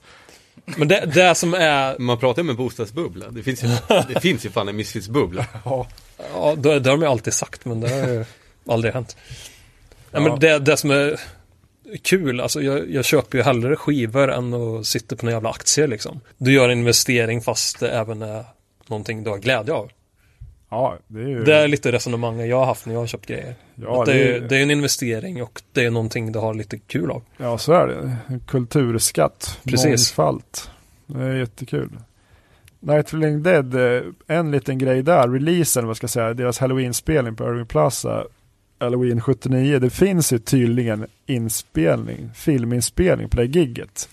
Jag skulle ja, väldigt gärna vilja se den någon dag, men det, det känns som att den kommer inte florera någonstans på någon VHS-kassett som de kopierar. Det är någon som sitter på den där grejen. Men jag vet inte. Men jag för att jag håller på grejer. Vad sa du? Att, Att folk sitter och håller på grejer. ja, Det är ju pengar liksom i det. Ja, ja, den kanske kan, jag vet inte. Men det, jag, jag har haft en tanke att sätta upp en jävla donationsfond. Alltså donera, jag vill ha 10 000 dollar så släpper jag det här tejpet liksom. Och så får fansen donera då. Funby. Ja, Alltså, ja, ja för det, det är där skon klämmer. Folk vill ju ha, de vet att de kan få mycket pengar för de här grejerna. så är det. För de cirkulerar inte Ja. ut i det öppna. Nej, men det, det är en grej som skulle vara mindblowing att se alltså. I bra kvalitet vill jag tillägga. vi, ja, exakt. Du vet att det, det här, det, det giget filmades, så att det filmades ja. För annars har det ju filmats med, du vet, så man kan göra en O'boy-förpackning Ja. på bilden i sexan. ja, ja. Nej, men det, det ska vara filmat, men eh, om det ens är sant, det vet man ju inte. Men det finns ju det. även en uh, musikvideo för Night of the Living Dead inspelad. Ja, Okej. det, det är ju intressant. Jag har sett svarta stillbilder från Mm. den och den vet jag inte om. Jag läste att den inte blev helt klar. Att, Mm, eh, inte. ja, ja, men det är intressant att se. Den var ju filmad på Pa- Parisburg, Ohio. Ja, Eh, du, antagligen 1983. Och då var det ju med medlemmar från Negative Approach och Necro som Jaha, agerade som zombies. var, var det 83? Okej, för jag, jag har sett någon bild, det var Gogi med och det var typ någon höstig bakgrund med så här ah, träd det utan stämmer, det löv. stämmer. Ja, Eh, I mina noteringar står det 82 eller 83. Ja, det ja, stämmer, men det det, är 82. typ uh, hans sista Ja, dag kanske i precis. bandet. och det är ju Corey Rusk som sitter på de här, Ah. på tejpet. Och han, är ju, han spelar ju bas i Necros och ägare av eh, tidningen Touch and Go. Ja, Så han just sitter på det här ja, tejpet. Fan, det, han får ta och snickra ihop någonting där och fråga Misfits AD om man kan släppa det. Då får han Ja. nej direkt. Okej, det var så fan. Men när kom, när kom Brain Eaters-videon då? Det är 83. Ja, den, det, jag tror de spelade in den i anslutning till Boston-gigget på Channel Club. Eller Precis. något, Ja, I precis. logen innan va? ja, men typ, eller efter. De, eh, Det var på någon restaurang. Ja, någon restaurang Jag har där. ingen, jag kommer inte ihåg exakt men. Robo fick agera kock och få massa så här kohjärnor upptryckta i ansiktet. ja, men det, och sen skulle man spela en video på Skall så jag talas om också. Ja. Men det blev inte heller av. Det finns ju en video på den som är inspelad från eh, sista spelningen i Greystone Hall. Ja, just det. Finns Ja. det ju. det Vad fan hette den då? Det var något, något tv-program, något sånt punk. Uh, Why be something you're not? Nej. Nej. Eh, Var det, okej, var det tänkt att den skulle bli en officiell video då? Eller? Ja, jag vet inte hur exakt det där var, men de har ju en video på det här som de spelar i det här programmet. Ja, jag kommer ja, inte okej. ihåg vad det heter nu. När Danzig hade sin hundmask som man senare hade i Samhain och ett här pentagram Ja, målat precis. på bröstet. Ja, Ja, precis. Och då mörkret satte in på riktigt. Ja. Fortsätter då, hur, hur rimligt är det att man snubblar på liksom sådana här eh, plattor på eh, vinylbutiker och, och mässor liksom som är värda att plocka upp för er som samlare liksom? Det pratades ju om att efter att KF Cool såldes för 98 000 att den hade legat uppe på Buy It Now för 20 dollar. Såg ni det? Ja, just det, just det. Men det lär ju inte vara sant. Det är Ja. helt sant. Var det inte samma säljare som hade någon vit Threes from Hell? Eller var det någon annan Nej, det grej? var Det var en annan grej. Grejen var ju att den här säljaren hade inte en aning om vad han sålde. Han bara hämtade ju bilder från Discogs. Han hade ju inte tagit egna bilder, utan han hade hämtat bilderna som finns på Discogs, lagt ut dem på Ebay. Glömde titta priset. Ja, han trodde väl kanske att det var en bootleg. Han la ut den för Buy It Now och så var det en kille som, ja, han köpte den liksom, eh, ja, har jag tur så har jag tur, i princip. Och så fick jag hem den här och så var det ju, var en original. Ja. Alltså snackar vi Cuff Cool nu? Ja, Cuff Cool. 20 dollar. 20 dollar. Ja, just det. Det, det lät det också så här för bra för, Nej, jag, vara snack, jag sant, snackade alltså. med den killen och Ja. han visade bilder också. Det var, det var legit. Ja, helt sjukt. Jag kommer ihåg för 15 år sedan en svart horrorbusiness eh, låg uppe på Ebay. Det var ett startbud på 1499 dollar. Och sen gick jag in och kollade på den här auktionen och då hade säljaren sagt Ja men nu är, jag har fått väldigt många frågor om den här skivan. Eh, bara, ja, jag hade ju lite så här, han, han berättade ju så bakgrunden, den var ju legit så, men han visste väl inte om det själv. Och den slutar ju på 8900 dollar någonting då. Eh, men alltså det var ju ett rimligt pris för den skivan som är extremt få exemplar. Men han, att han inte visste själv vad han hade och la upp den på Mm. Ebay, det är lite skumt. Men en eh, rolig sak på tal med den här uh, Cuff Cool som såldes för 20 dollar. Ja, Strax efter det här så kom det upp en eh, vit Three Hits from Hell. ja men det var, det var det Med jag snackade 35 om. dollar. Ja, du. Och ja. den var ju också legit. Ja, det var det, det var det jag tänkte om. Det var, var det samma, det var inte samma säljare? Nej, Nej. det var en annan grej en, ja, Men precis. ändå två orimliga saker under så pass kort tid. Är- Ja, Ja, det var ju helt Skumt. sjukt det. Sanslöst. Man får Ja. kolla Ebay ofta. Ja, ja. slå till för de här nu hänger man ju mest suspekta. på Discogs, kolla Ebay ibland och Tradera är ju som, nej, jag har sett en frit som hell på Tradera för några år sedan, det är väl enda som är typ så där, sen nej. Det Du är bara minns lägga- det? Du är tillräckligt Ja, ja, ja, jag minns det, jag Det minns är det. inbränt i, Ja, i ja. hjärnan. Men ja, det var, ing, det var ju sån här med grå label som var inte svinrare, men alltså lite otippat att se en frit som hell på Tradera. Ja. ja, men jag hittar mycket när jag varit ute på mässor och butiker. Det har liksom hittat en, en testpress. En legit Ja. Earth ID. Ja, just det. Eh, Det tyska. Vad vill de ha för ja, den? precis. 2000. Ja, men det, okej. det är rimligt. Men, men jag måste ju passa på att fråga då, ni som är samlare liksom. Eh, jag vet ju att du eh, berättade för mig någon gång Per, när du var på Misfits-gig i USA. Om, Ja. om någon sån här spanjorsk eh, snubbe som... Ah, det, ah, det, det är jänkare. Ah, nej, Umberto. Alltså, Ja, det det, det, är en uh, jänkare som vi Ah, okej. båda känner till. Ja. Som har allt kan man säga. Han stod och visade lite bilder och jag frågade men har du den här uh, Tinge Mars acetaten? Ja, det visade en bild på direkt. Eh, men två exemplar av Svart Horror Business var den ena har varit en Rollins kopia så att eh, ja, han har verkligen allt. Mm. Så det är kul att se. Men han ju liksom varit, han är en sån här som gräver liksom, han hittar ju Caroline-vevan liksom, så tog han kontakt liksom med Tom Begrowitz, bara, Mm. har du några saker jag kan köpa liksom, han har ju varit ganska på så. Det är många säljare som är så, som eh, New York-gigget till exempel, Ja. då gick ju Glens morsa bort. Ja, ja, det var ja, New York, alltså i Pru- Prudential Center. Du tänker på 2018? Nej, Madison eh, Square Garden. Jaha, samma, ja, samma dag dog hans morsa. Jag hörde att det var i New York på Prudential Center. Okej. Ja, intressant, intressant, Ja. intressant faktiskt. Utrett! Ja, men det Alltså, där är, är ja, men det där är, det där, avsnittet. ja, men det är intressant alltså. Men i alla fall, Ja, då, då när folk fick nys om att hon hade dött Mm. så tog ju samlare kontakt med andra familjemedlemmar för att vad fult. Köpa dödsbo. Ja, precis. Det tycker jag är lite... Lite under bältet. Ja, Ja, mm, Men eh, visst, det fanns ju saker där i källaren som Glenn hade sitt rum. ja. Som de köpte. ja, ja. Men nej, jag, jag Ja, går nej. inte så långt. Nej. Nej, det var lågt. Sålde inte Glenn Danzig något hus för några år sedan? Eh, har jag för mig att vi Brick pratade om. House. Ja, exakt. Eh, Men det kom inte ut någonting på, på marknaden från den, äh, det ägarbytet. Nej. Lite sugen var man ju. Det fanns, jag hittade bilder inomhus där. Det har jag också sett. Ja, jag, jag har någonstans här på datorn. Det såg ganska sunkigt ut. Det såg stökigt men det var inte...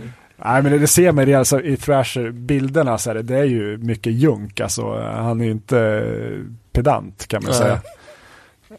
Ja, men det, det har jag också hört någonstans, jag kommer inte ihåg vart det var, men någon som hade varit hos Dancing liksom, det låg acetater och testpressar på golvet liksom bland kattskit och piss. Skrev de då, men sen vet inte jag om det är lögn eller... Vad fan är relationsstatusen på Danzig? Han har ju en brud Han nu. har ju en brud, ja. eh, hon är ju med i hans eh, första eh, film, Erotica-film. Så hon var ju med där på releasen i New York och satt bredvid han där och hon snackade om filmen. Och lite för ung eller? Ja, det stämmer. Men så är det i Det kanske är därför rockbranschen. han är så glad nu. Ja, jo, det jag tror kanske jag Ja. tror det. Han var ju till och med på någon sån här, ja, halloweenfest med henne, hade någon sån här mask och grejer. Han, ja, han liksom släppte på garden lite. Ja. Det var väl därför han blev lite mörk, tror jag, i början av, eller i slutet av Misfits, början av Sam Hain. Då var det väl någon relation, hon hade blivit dumpad. Var det så? Ja. För det, spelar vi in nu eller? Ja, För det är ganska intressant. För att eh, den eran eh, mellan, alltså Misfits Samhain, blev det ju väldigt mycket mörkare en övergångsperiod. För när de skulle spela in eh, det här, den här supergruppen med Brian Baker och Live Presley, så här, det som inte blev Samhain, men de skulle göra något tillsammans och när de var ute och skulle handla på någon affär sen mellan repen då eh, sa Danzig till Lyle bara fan ha- hatar du inte allt och alla liksom stod i kön till kassan och bara, Va? vad menar du? Men jag tycker allting är piss alltså. Danzig. Det kanske var att han blev dumpad. Ja, för det finns ju en, uh, vad fan heter Danzig producerar ju något band på hans label uh, King Horse. Ja, precis. Eh, Car- Eh, Caroline Slepp va? Ja, du fan, jag kommer inte ihåg. Ja, Men i alla fall, ja. någon medlem där skrev om Danzig. Ja, Och han typ hade ju snackat med han i telefon mycket så här back in the days och Ja. ja, de var väl lite kompisar. Och han pratade om den här förändringen och då nämnde han ju ja att okej. han hade en tjej som dumpade honom. Efter Ja. det så var han liksom helt en Då annan blev person. det Sam Hain. Ja, precis. Det där är ju inte- det är ganska eh, intressant, intressant. Men alltså den eran, Misfits, tänker Nightwing Dead, då var det lite så här skoj, Ratfink och, och sen Walk Among Us är ändå ganska trallig. Brain Eaters video. Ja, men det sen, eh, sen kommer ju Nisham och eh, introt där är ju liksom ganska talande för att det blivit mörkt. Så det, det var en, eh, ja, intressant aspekt i det hela. Det är inte lätt det där med krossat hjärta. Nej. För som Hell är ju faktiskt min personliga favoritrelease med Misfits. Eh, Det är ju så här att man kan ju liksom ibland väga, bara, är horror business bättre än Threesome Hell? Men jag, jag gillar Threesome Hell, eh, layouten, produktionen, låtarna. Det, det är då det är riktigt bra produktion, även trummor och så, hel, hela MSB-sessionen med Arthur Gogi. Alltså det är ju då, de fick sitt signifikanta sound skulle jag vilja säga. Det som är Misfits hela imagen. Du har det som full-grown Devilox, du har Doyle och alltså allt är ju verkligen så Misfits det kan bli. Och för, för, för vanliga dödliga eh, Misfits-lyssnare, vilka låtar är med på Three Hits? Det är London, Dun London Dungeon, Horror Hotel och Ghouls Are Out. Eh, som är tre förträffliga låtar Mycket skulle jag vilja säga. Ja, den, produktionen på den singeln, är ju den bästa. Ja. Nästan skulle jag vilja Ja, påstå. det är det. Och den här fick vi se fyra varianter av. Fem. Fem till, förlåt. Ehm, men det var lite olika färgschema Ja, precis. Det är ju lite olika, det är tre olika sleeves, nej, jag måste tänka här. Fyra olika sleeves. Och sen är det fem olika vinylvarianter. Det där är ganska intressant med de här sleeve-varianterna som ni har grottat ner Mm. lite med olika eh, färger och eh, vissa detaljer Ja, det var i det. tryckerna. Det var det jag tyckte var så intressant Ja. med den här, med det här small hole liksom. Ja, Eh, ja, som tydligen är en grej som jag aldrig har hört talas om. ja. Eh, litet hål. Ja, exakt. Ja, men alltså, det kanske är självklart för er, men för en annan som bara tittar på färg, oftast så. Men jag, jag tänker just de här sleevesen nu, för det finns ju olika, vad ska man säga, nu säger jag till svengelska, med alignments i ögonen, hur, vilken press det är på Ja, placeringen ja, placer, på, ja, ja, precis. Så Den det- skiljer sig på, det är tre olika placeringar. Ja, Men hur kan det diffa? Nej, jag vet inte, de har väl gjort, jag vet, De har inte gjort om nej, originalet. nej, jag vet inte faktiskt om jag ska vara helt ärlig. För det är väl så här cut and paste grej de har gjort liksom. Ja. Att de kanske har haft det här löst och gjort om det igen och lagt ut det. Ja. Jag har inte en aning. Men är det så att alla de här eh, omslagen trycktes på hela ark och de skar ut omslagen själva, Ja, varenda singel?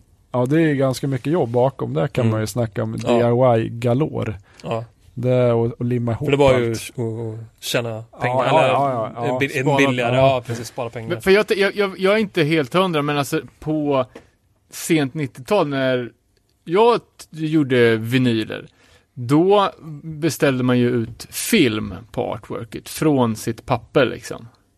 Eh, och jag antar att det var den tekniken som användes på, ja men på mitten av 80-talet också. Så att, eh, Ja, det att måste det det vara. då. trycktes från en filmmaster. Ja, men precis. Ja. Ja. Eh, och då borde ju inte Den borde inte ändras. det borde inte ändrats om de inte har gjort nya Gjort filmer. nya. Ja, precis. Så kan det ju vara.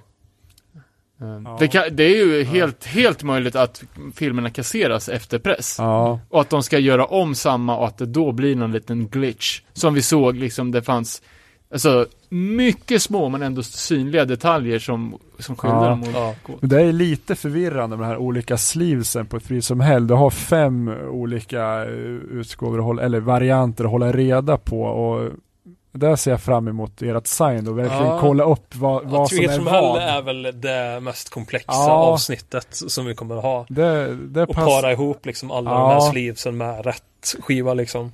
Det passar mig ypperligt att grotta ner mig i favoritreleasen. Ja, det Det, bli skriver ju. Michael, han gör ju ett litet intro på Trees from Hell och då skriver han det där. Att är du läsaren som jag så är det liksom det första du gör att liksom bläddra fram till Three Hits from Hell Ja, ja det, det är nog så jag får göra. Har jag även pratat om att ta ut semester i samband Ja, ja med... precis. Eh, Semesterdagar Släppet. i samband med släppet och verkligen liksom sitta med en monokel i en fåtölj och bara smacka på en hörntand och läsa det där. Ja. Men som sagt, vi kommer säkert göra en, en liten, Ja, så ni inte blir stämda av Ja, Mrs precis. AD. tyvärr. Det vore i och för sig lite cleant att bli det. ja, Då får man ju, ja, men du har ju får man ett brev. sen. Ja, precis. Ja, Och då kommer även ni dyka upp i liksom kronologin över Ja, precis. ja. I något poddavsnitt. Kanske ska köra fullt ut ändå då. Threesome Hell, jag tänker även den postern, den, eh, ni, ni tar inte in sådana grejer, alltså som en promogrej vid sidan om, ni tar själva Ja. pressarna bara i Nej, signet. vi tar ju lite så här äh, memor... Ja, det gör det, ja. Memorabilia Ja, grejer ja också. men det, det är kul, för den är så det jäkligt dyker upp lite posters och... Ja. Ja.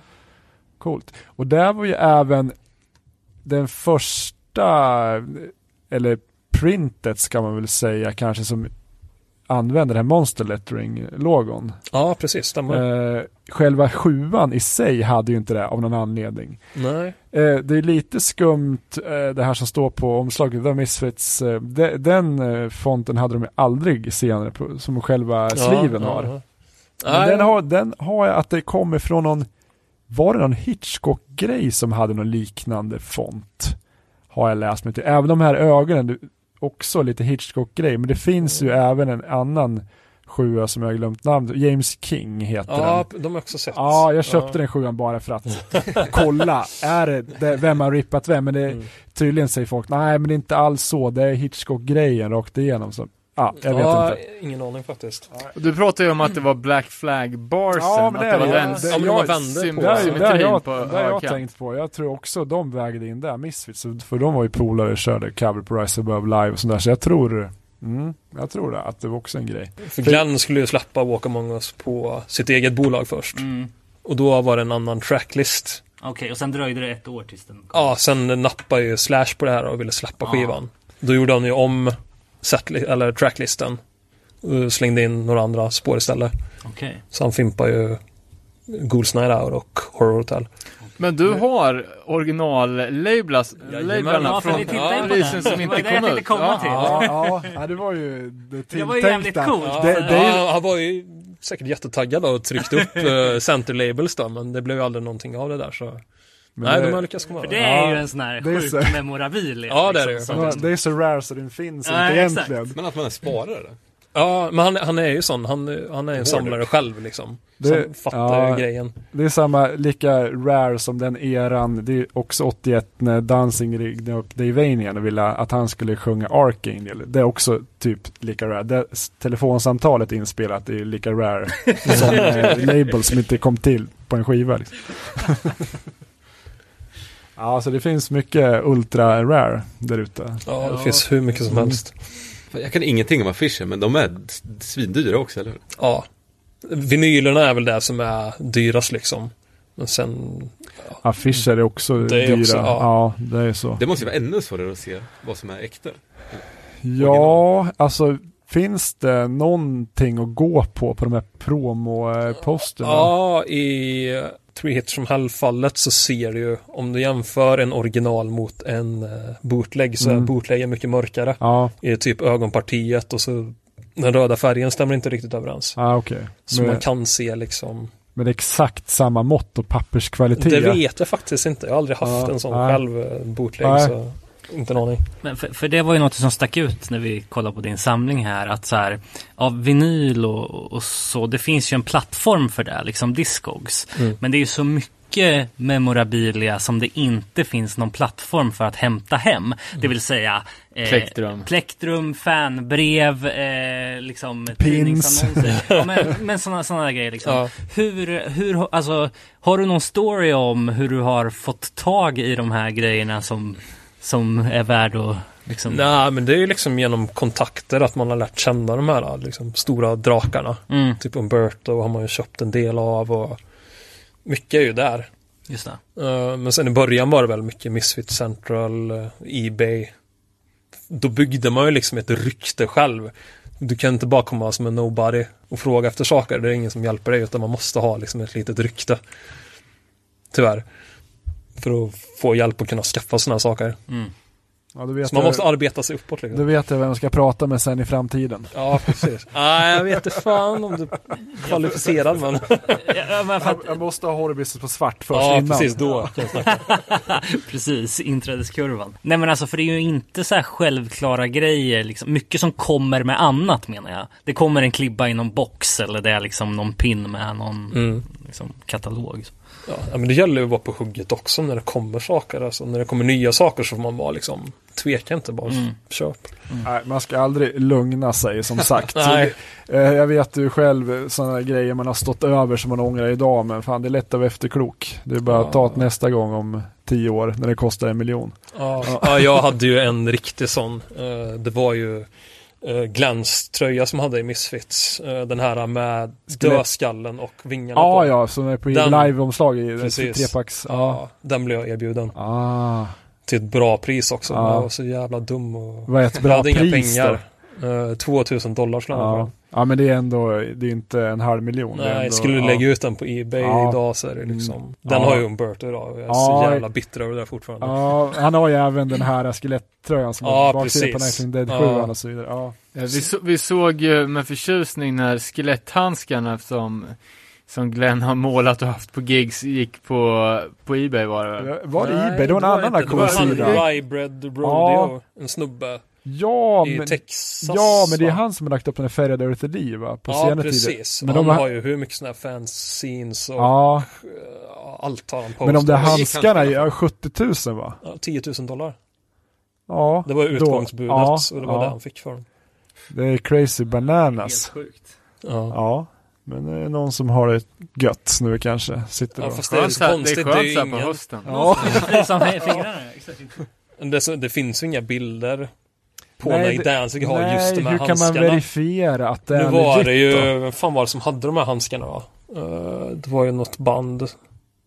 Hade de på ett live-gig efteråt eller? Nej, men det var, det, det var han hade gett dem till någon medlem i någon band efter någon spelning. Ah, ja, just det. var Ja, just det. Det där jag läste om. Eh, Ah, det, det, Jag jag, jag, kommer, jag kommer inte ihåg.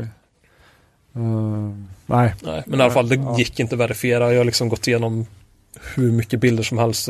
Jag ser inte att han har haft dem på sig. Jaha, för jag har alldeles för mig att det var en bild med när han hade dem. Nej, nej. Det var Det bara var- bild på handskarna. Det var inget mer. Liksom. okej. det var, Då är det lite sketchy. Ja, då känns det jobbigt att chansköpa för 10 000 dollar. Ja. Även om de var rätt snygga. Men... Ja, ja men det där de har varit innan är en pålitlig källa, Ja. säger folk. Men det kan man ju även skriva så här att eh, där och där har de varit. Hur ska man veta det? Mm. Det är, ja, mm, det är inte lätt. Och sån här memorabilia liksom som inte är skivor, det kommer ju alltid ha ett så här affektionsvärde för, för samlare. Liksom. Ja, men Det som är så intressant här med er nya bok, att eh, just gällande liksom, de fysiska skivorna och upplagan, att ni kommer med ett sätt att liksom, ändra den Ja, uppfattningen liksom, och mer vetenskapligt säga att så här är det istället för Det, ja, precis. Det här är inga säger gissningar utan här har vi liksom en en teori liksom hur vi kan räkna ut hur många skivor som finns. Och mycket av det som finns idag det är ju bara gissningar liksom. Men det här kommer ju bra för det är många frågetecken som kommer bli till utropstecken i och med att man läser ett sign sen för till exempel Misfit Central och massa eh, felaktiga källor. Så det är verkligen kul att uh, göra en sån bra utredning som ni har gjort och, och se vad som eh, är sant. Ja. Vi har kommit fram till det att Misfit Central är ju liksom ute och cyklar på nästan allt. Ja. Ja men det kan man tänka sig. Därför ska ni gå in på fiendcollectors.com istället. Ja, den, den är bra. Den gör ju Michael som gör boken. Det är en hemsida då. Där hittar man ju mycket analysresultat upplagda på hemsidan. faktiskt. Redan där får man en hint om vad, signet kommer Ja handla men om precis. Där. är det ju rubbet liksom. Där. Ja. Och eh, vad, vad är liksom release-radarn för den här? Alltså vad har ni för tidsplan? Uh, vi- har ingen tidsplan. Uh, Vi har hållit på med den här i, vad är det nu, fyra år tror jag. Uh, Nu har ju liksom jag fått, jag gör det grafiska. Så jag har ju fått all text liksom lämnad till mig och det ska ju tas kort på sleeves med UV-lampor och det är Matrix-nummer och det är liksom, det är, det är så mycket att göra. Eh, ta kort på alla skivor, redigera dem så vi sa det från början att vi sätter liksom ingen tidslimit på det här utan det blir klart när det blir klart. Precis. Ja, det går ju inte att stressa fram kvalitet så det kommer Nej, förmodligen precis. bli väldigt bra vad jag har sett på det.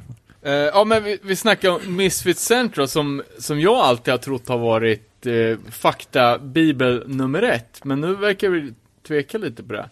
Och vi har ju även pratat om texter som har f- f- figurerat lite olika varianter. Bland annat sen böckerna eh, Lyrics of the Left Hand kom för några år sedan. Som är direkt från Glenn Danzig själv då.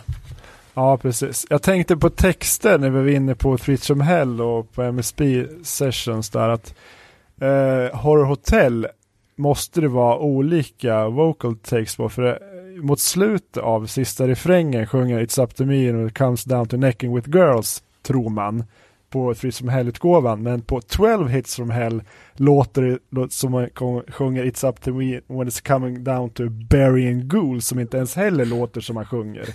Alltså det är ju, det Det är är inte ju ens lika. Nej, för det är ju liksom olika vokabulär. Han, han säger, sjunger två, olika grejer. det är Ja, två olika takes här. ja he, på hela låten eller på. Bara på slutet. Ja, det är på partiet va? Ja, För det var ju när eh, Caroline satt och mixade det här, Tom Begerwitz och vad fan heter han då? Ja, det var någon eh, ljudkille i alla fall. Allen eh, någonting. Duchess. Duch, Ja, precis. Just det. Ja.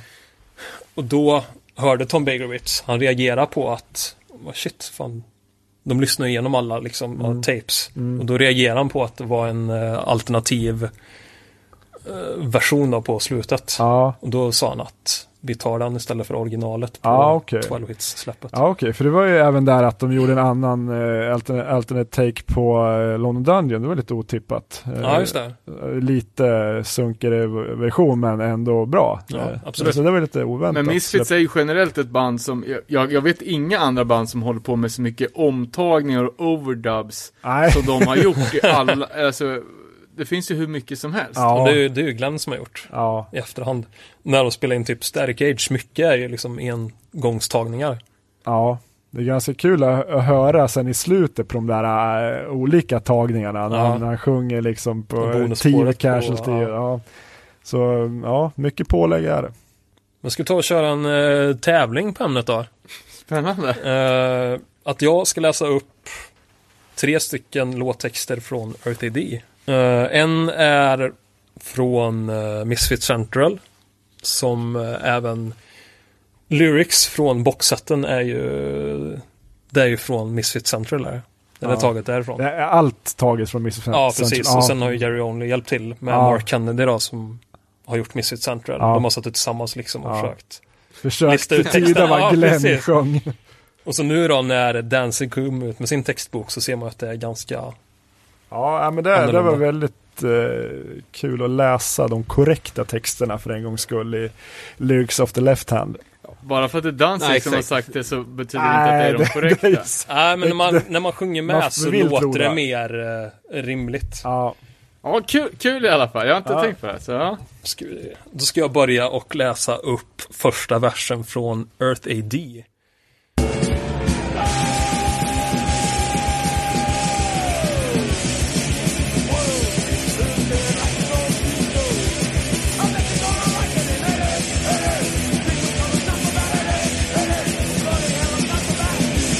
Kommer eh, nummer ett. Boom. When you feel like you're going too slow. I bet you're gonna like it in AD. AD. People gonna talk about AD. AD. Bloody hell and sacrifice. Det är en variant. Och variant nummer två. World is dead, like I told you so. I bet you're gonna like it in AD. AD. Kingdom come is not so bad AD. AD. Bloody hell is not so bad. Då ska vi då hålla Då, upp och vilken då, vi precis, och då är korrekt. utgår vi från att det är Lyric-boken som är korrekt. Ja, Det är detta svaret. mm. Så ta upp det alternativ som ni tror är rätt. ja då gör Jag, vi... jag, jag har en, eh, ett resonemang. Alla hade rätt. Alternativ nummer två.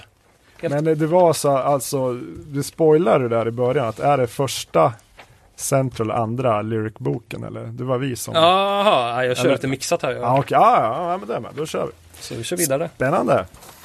Jag tänkte att, det, det där, eh, den andra texten lät mer uttänkt och därför, Ja, jo men det är ju när man sjunger med så det, det är ju mer rimligt. men det lät inte, jag tyckte det första flowade bättre Ja, mot vad jag minns det som. Verkligen.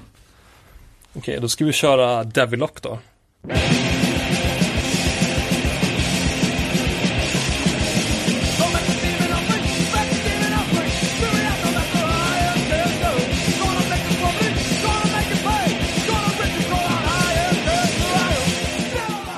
Nummer ett. Don't mess with demon offspring, the virgin's demon offspring. Their fury has no master, I am cancer. I'm gonna make your world bleed, I'm gonna make it pay. I'm gonna rip its core out. I am cancer, I am a devilock. Det var alternativ nummer ett. Och nu kör vi alternativ nummer två. So make this demon offering, best demon offering. Curious about the eye of death. Gonna make it public, gonna make you pay. Gonna rip your skull out, eye of, eye of death. Fan, det är stor skillnad. Ja, jag vet. Okej, jag ångrar mig. Ah! Ja, det var alternativ nummer ett. Godkänner vi David där då, eller? Nej. Fel, David. Tyvärr. Så alla hade rätt där, utom David. Missigt skamhörnan. Vi ska ju ta sista här då. Det är eh,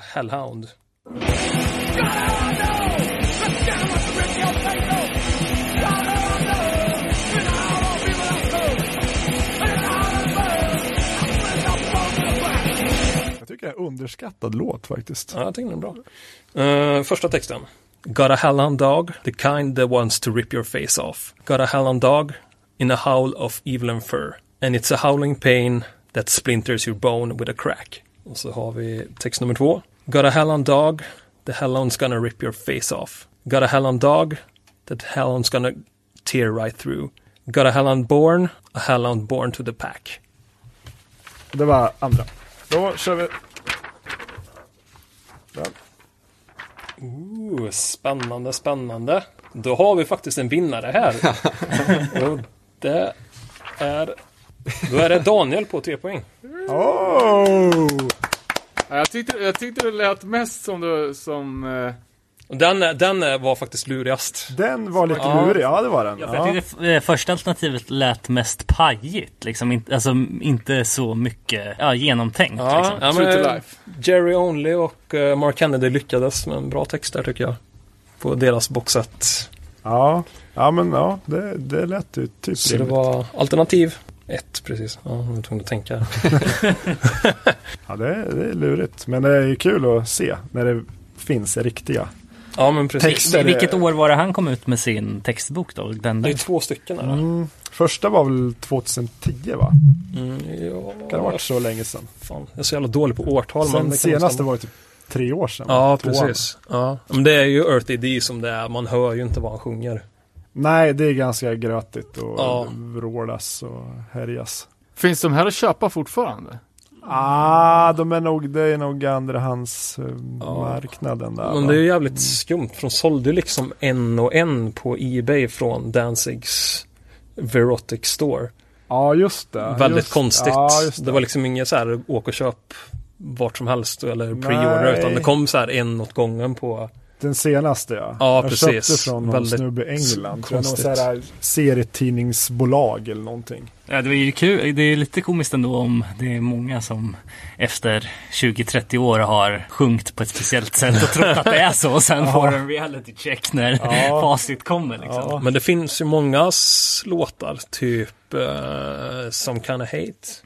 Ja, det där. Du har ju två olika läger. Eh, in the Isle of Love eller In the Iron Lung. Men jag har en Vad skriver egen... den säger att han sjunger? Ah, Han har inte sagt det, för jag trodde den skulle komma här på Ja. den andra lyricboken, men det gjorde det, inte. the maggots in the iron lung copulate. Ja, det är Lung. Skulle jag tro. Ja, ja, Jag har en egen. okej. The maggots in the eye hole won't copulate. I hole. The maggots in the eye low. Att han kör liksom en wow i slutet på eye hole. Kanske. Som en liten knorr liksom. Men eh, det är en ganska intressant grej på Angel Fuck är ju She says nothing new anymore istället för She's ain't loving you anymore.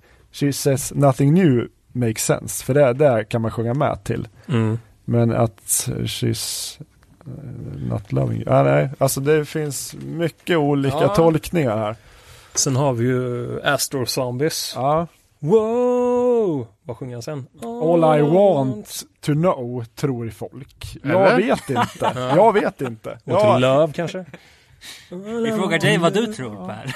jag, jag tror ju bara ett wow-ande av något slag. Jag, jag hör inte ens en artikulering av något ord där. Det finns ju ett sångspår isolerat. Där du bara hör sången på YouTube. Ja, det är jäkligt Det är, lyssna, coolt. det är jävligt ja. svårt att höra, men jag börjar tro att han säger world.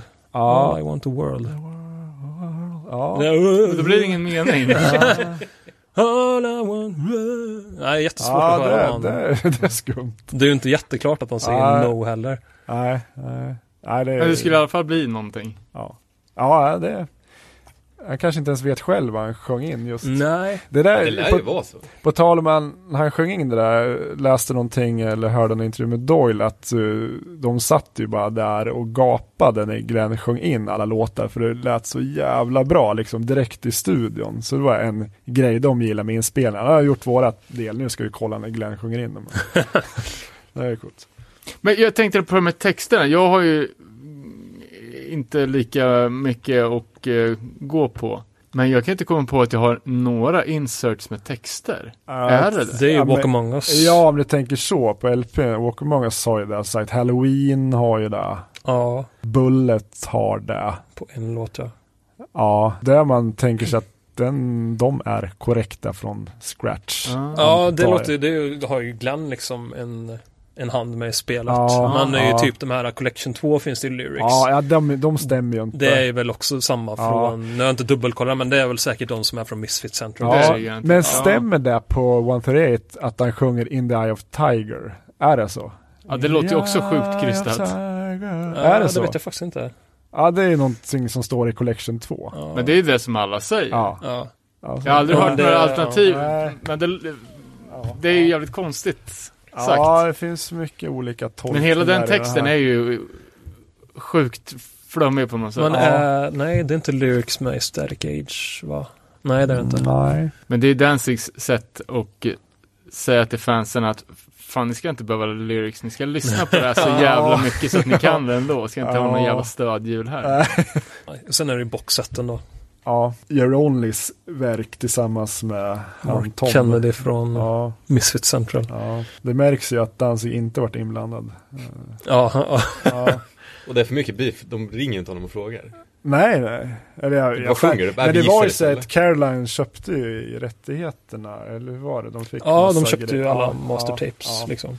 Som han vägrade ge ifrån sig, som fick tjata på hans farsa. Ja, han vill ju inte ha någonting med det där att göra. Nej, det var han inne på sin uh, Svåra. Black as Devil-era. Ja men fett, det blev en halloween special eh, med Misfits eh, fokus i år igen. Ja, det Eh. var ju jätteroligt att få kolla på samlingen och höra vad som är igång i pipen på signet och allting. Och jag skulle kunna sitta till nästa halloween och snacka om Misfits. Så att, eh, Ja, vi får nog se, vi, ser, ja, vi ser nog en part två på det här har jag Ja, en känsla av. Absolut. För er som inte vet, du lirar ju Fredrik även i Fake Legacy. Som Stämmer är ett bra. band som vi har snackat om innan, som är jävligt kompetent skatepunk. Eh, och eh, ja, eh, vi ser fram emot att ta del av er, ert fanzine när det släpps. Ja, det kommer bli kanon. Det var jättekul att ni vill komma hit. Askul att vi fick komma. Ja, Tack verkligen både. Fredrik och Ja, Per alltså. Ja, ja, det var en fantastisk dag att få vara med om. Så det kommer vi komma ihåg länge och ta någon, några dagar och smälta all, allt vi har sett där i samlingen. Sjukt mäktig. Coolt. Gött! Ja men då säger vi tack så mycket. Vi hörs nästa gång. Hej.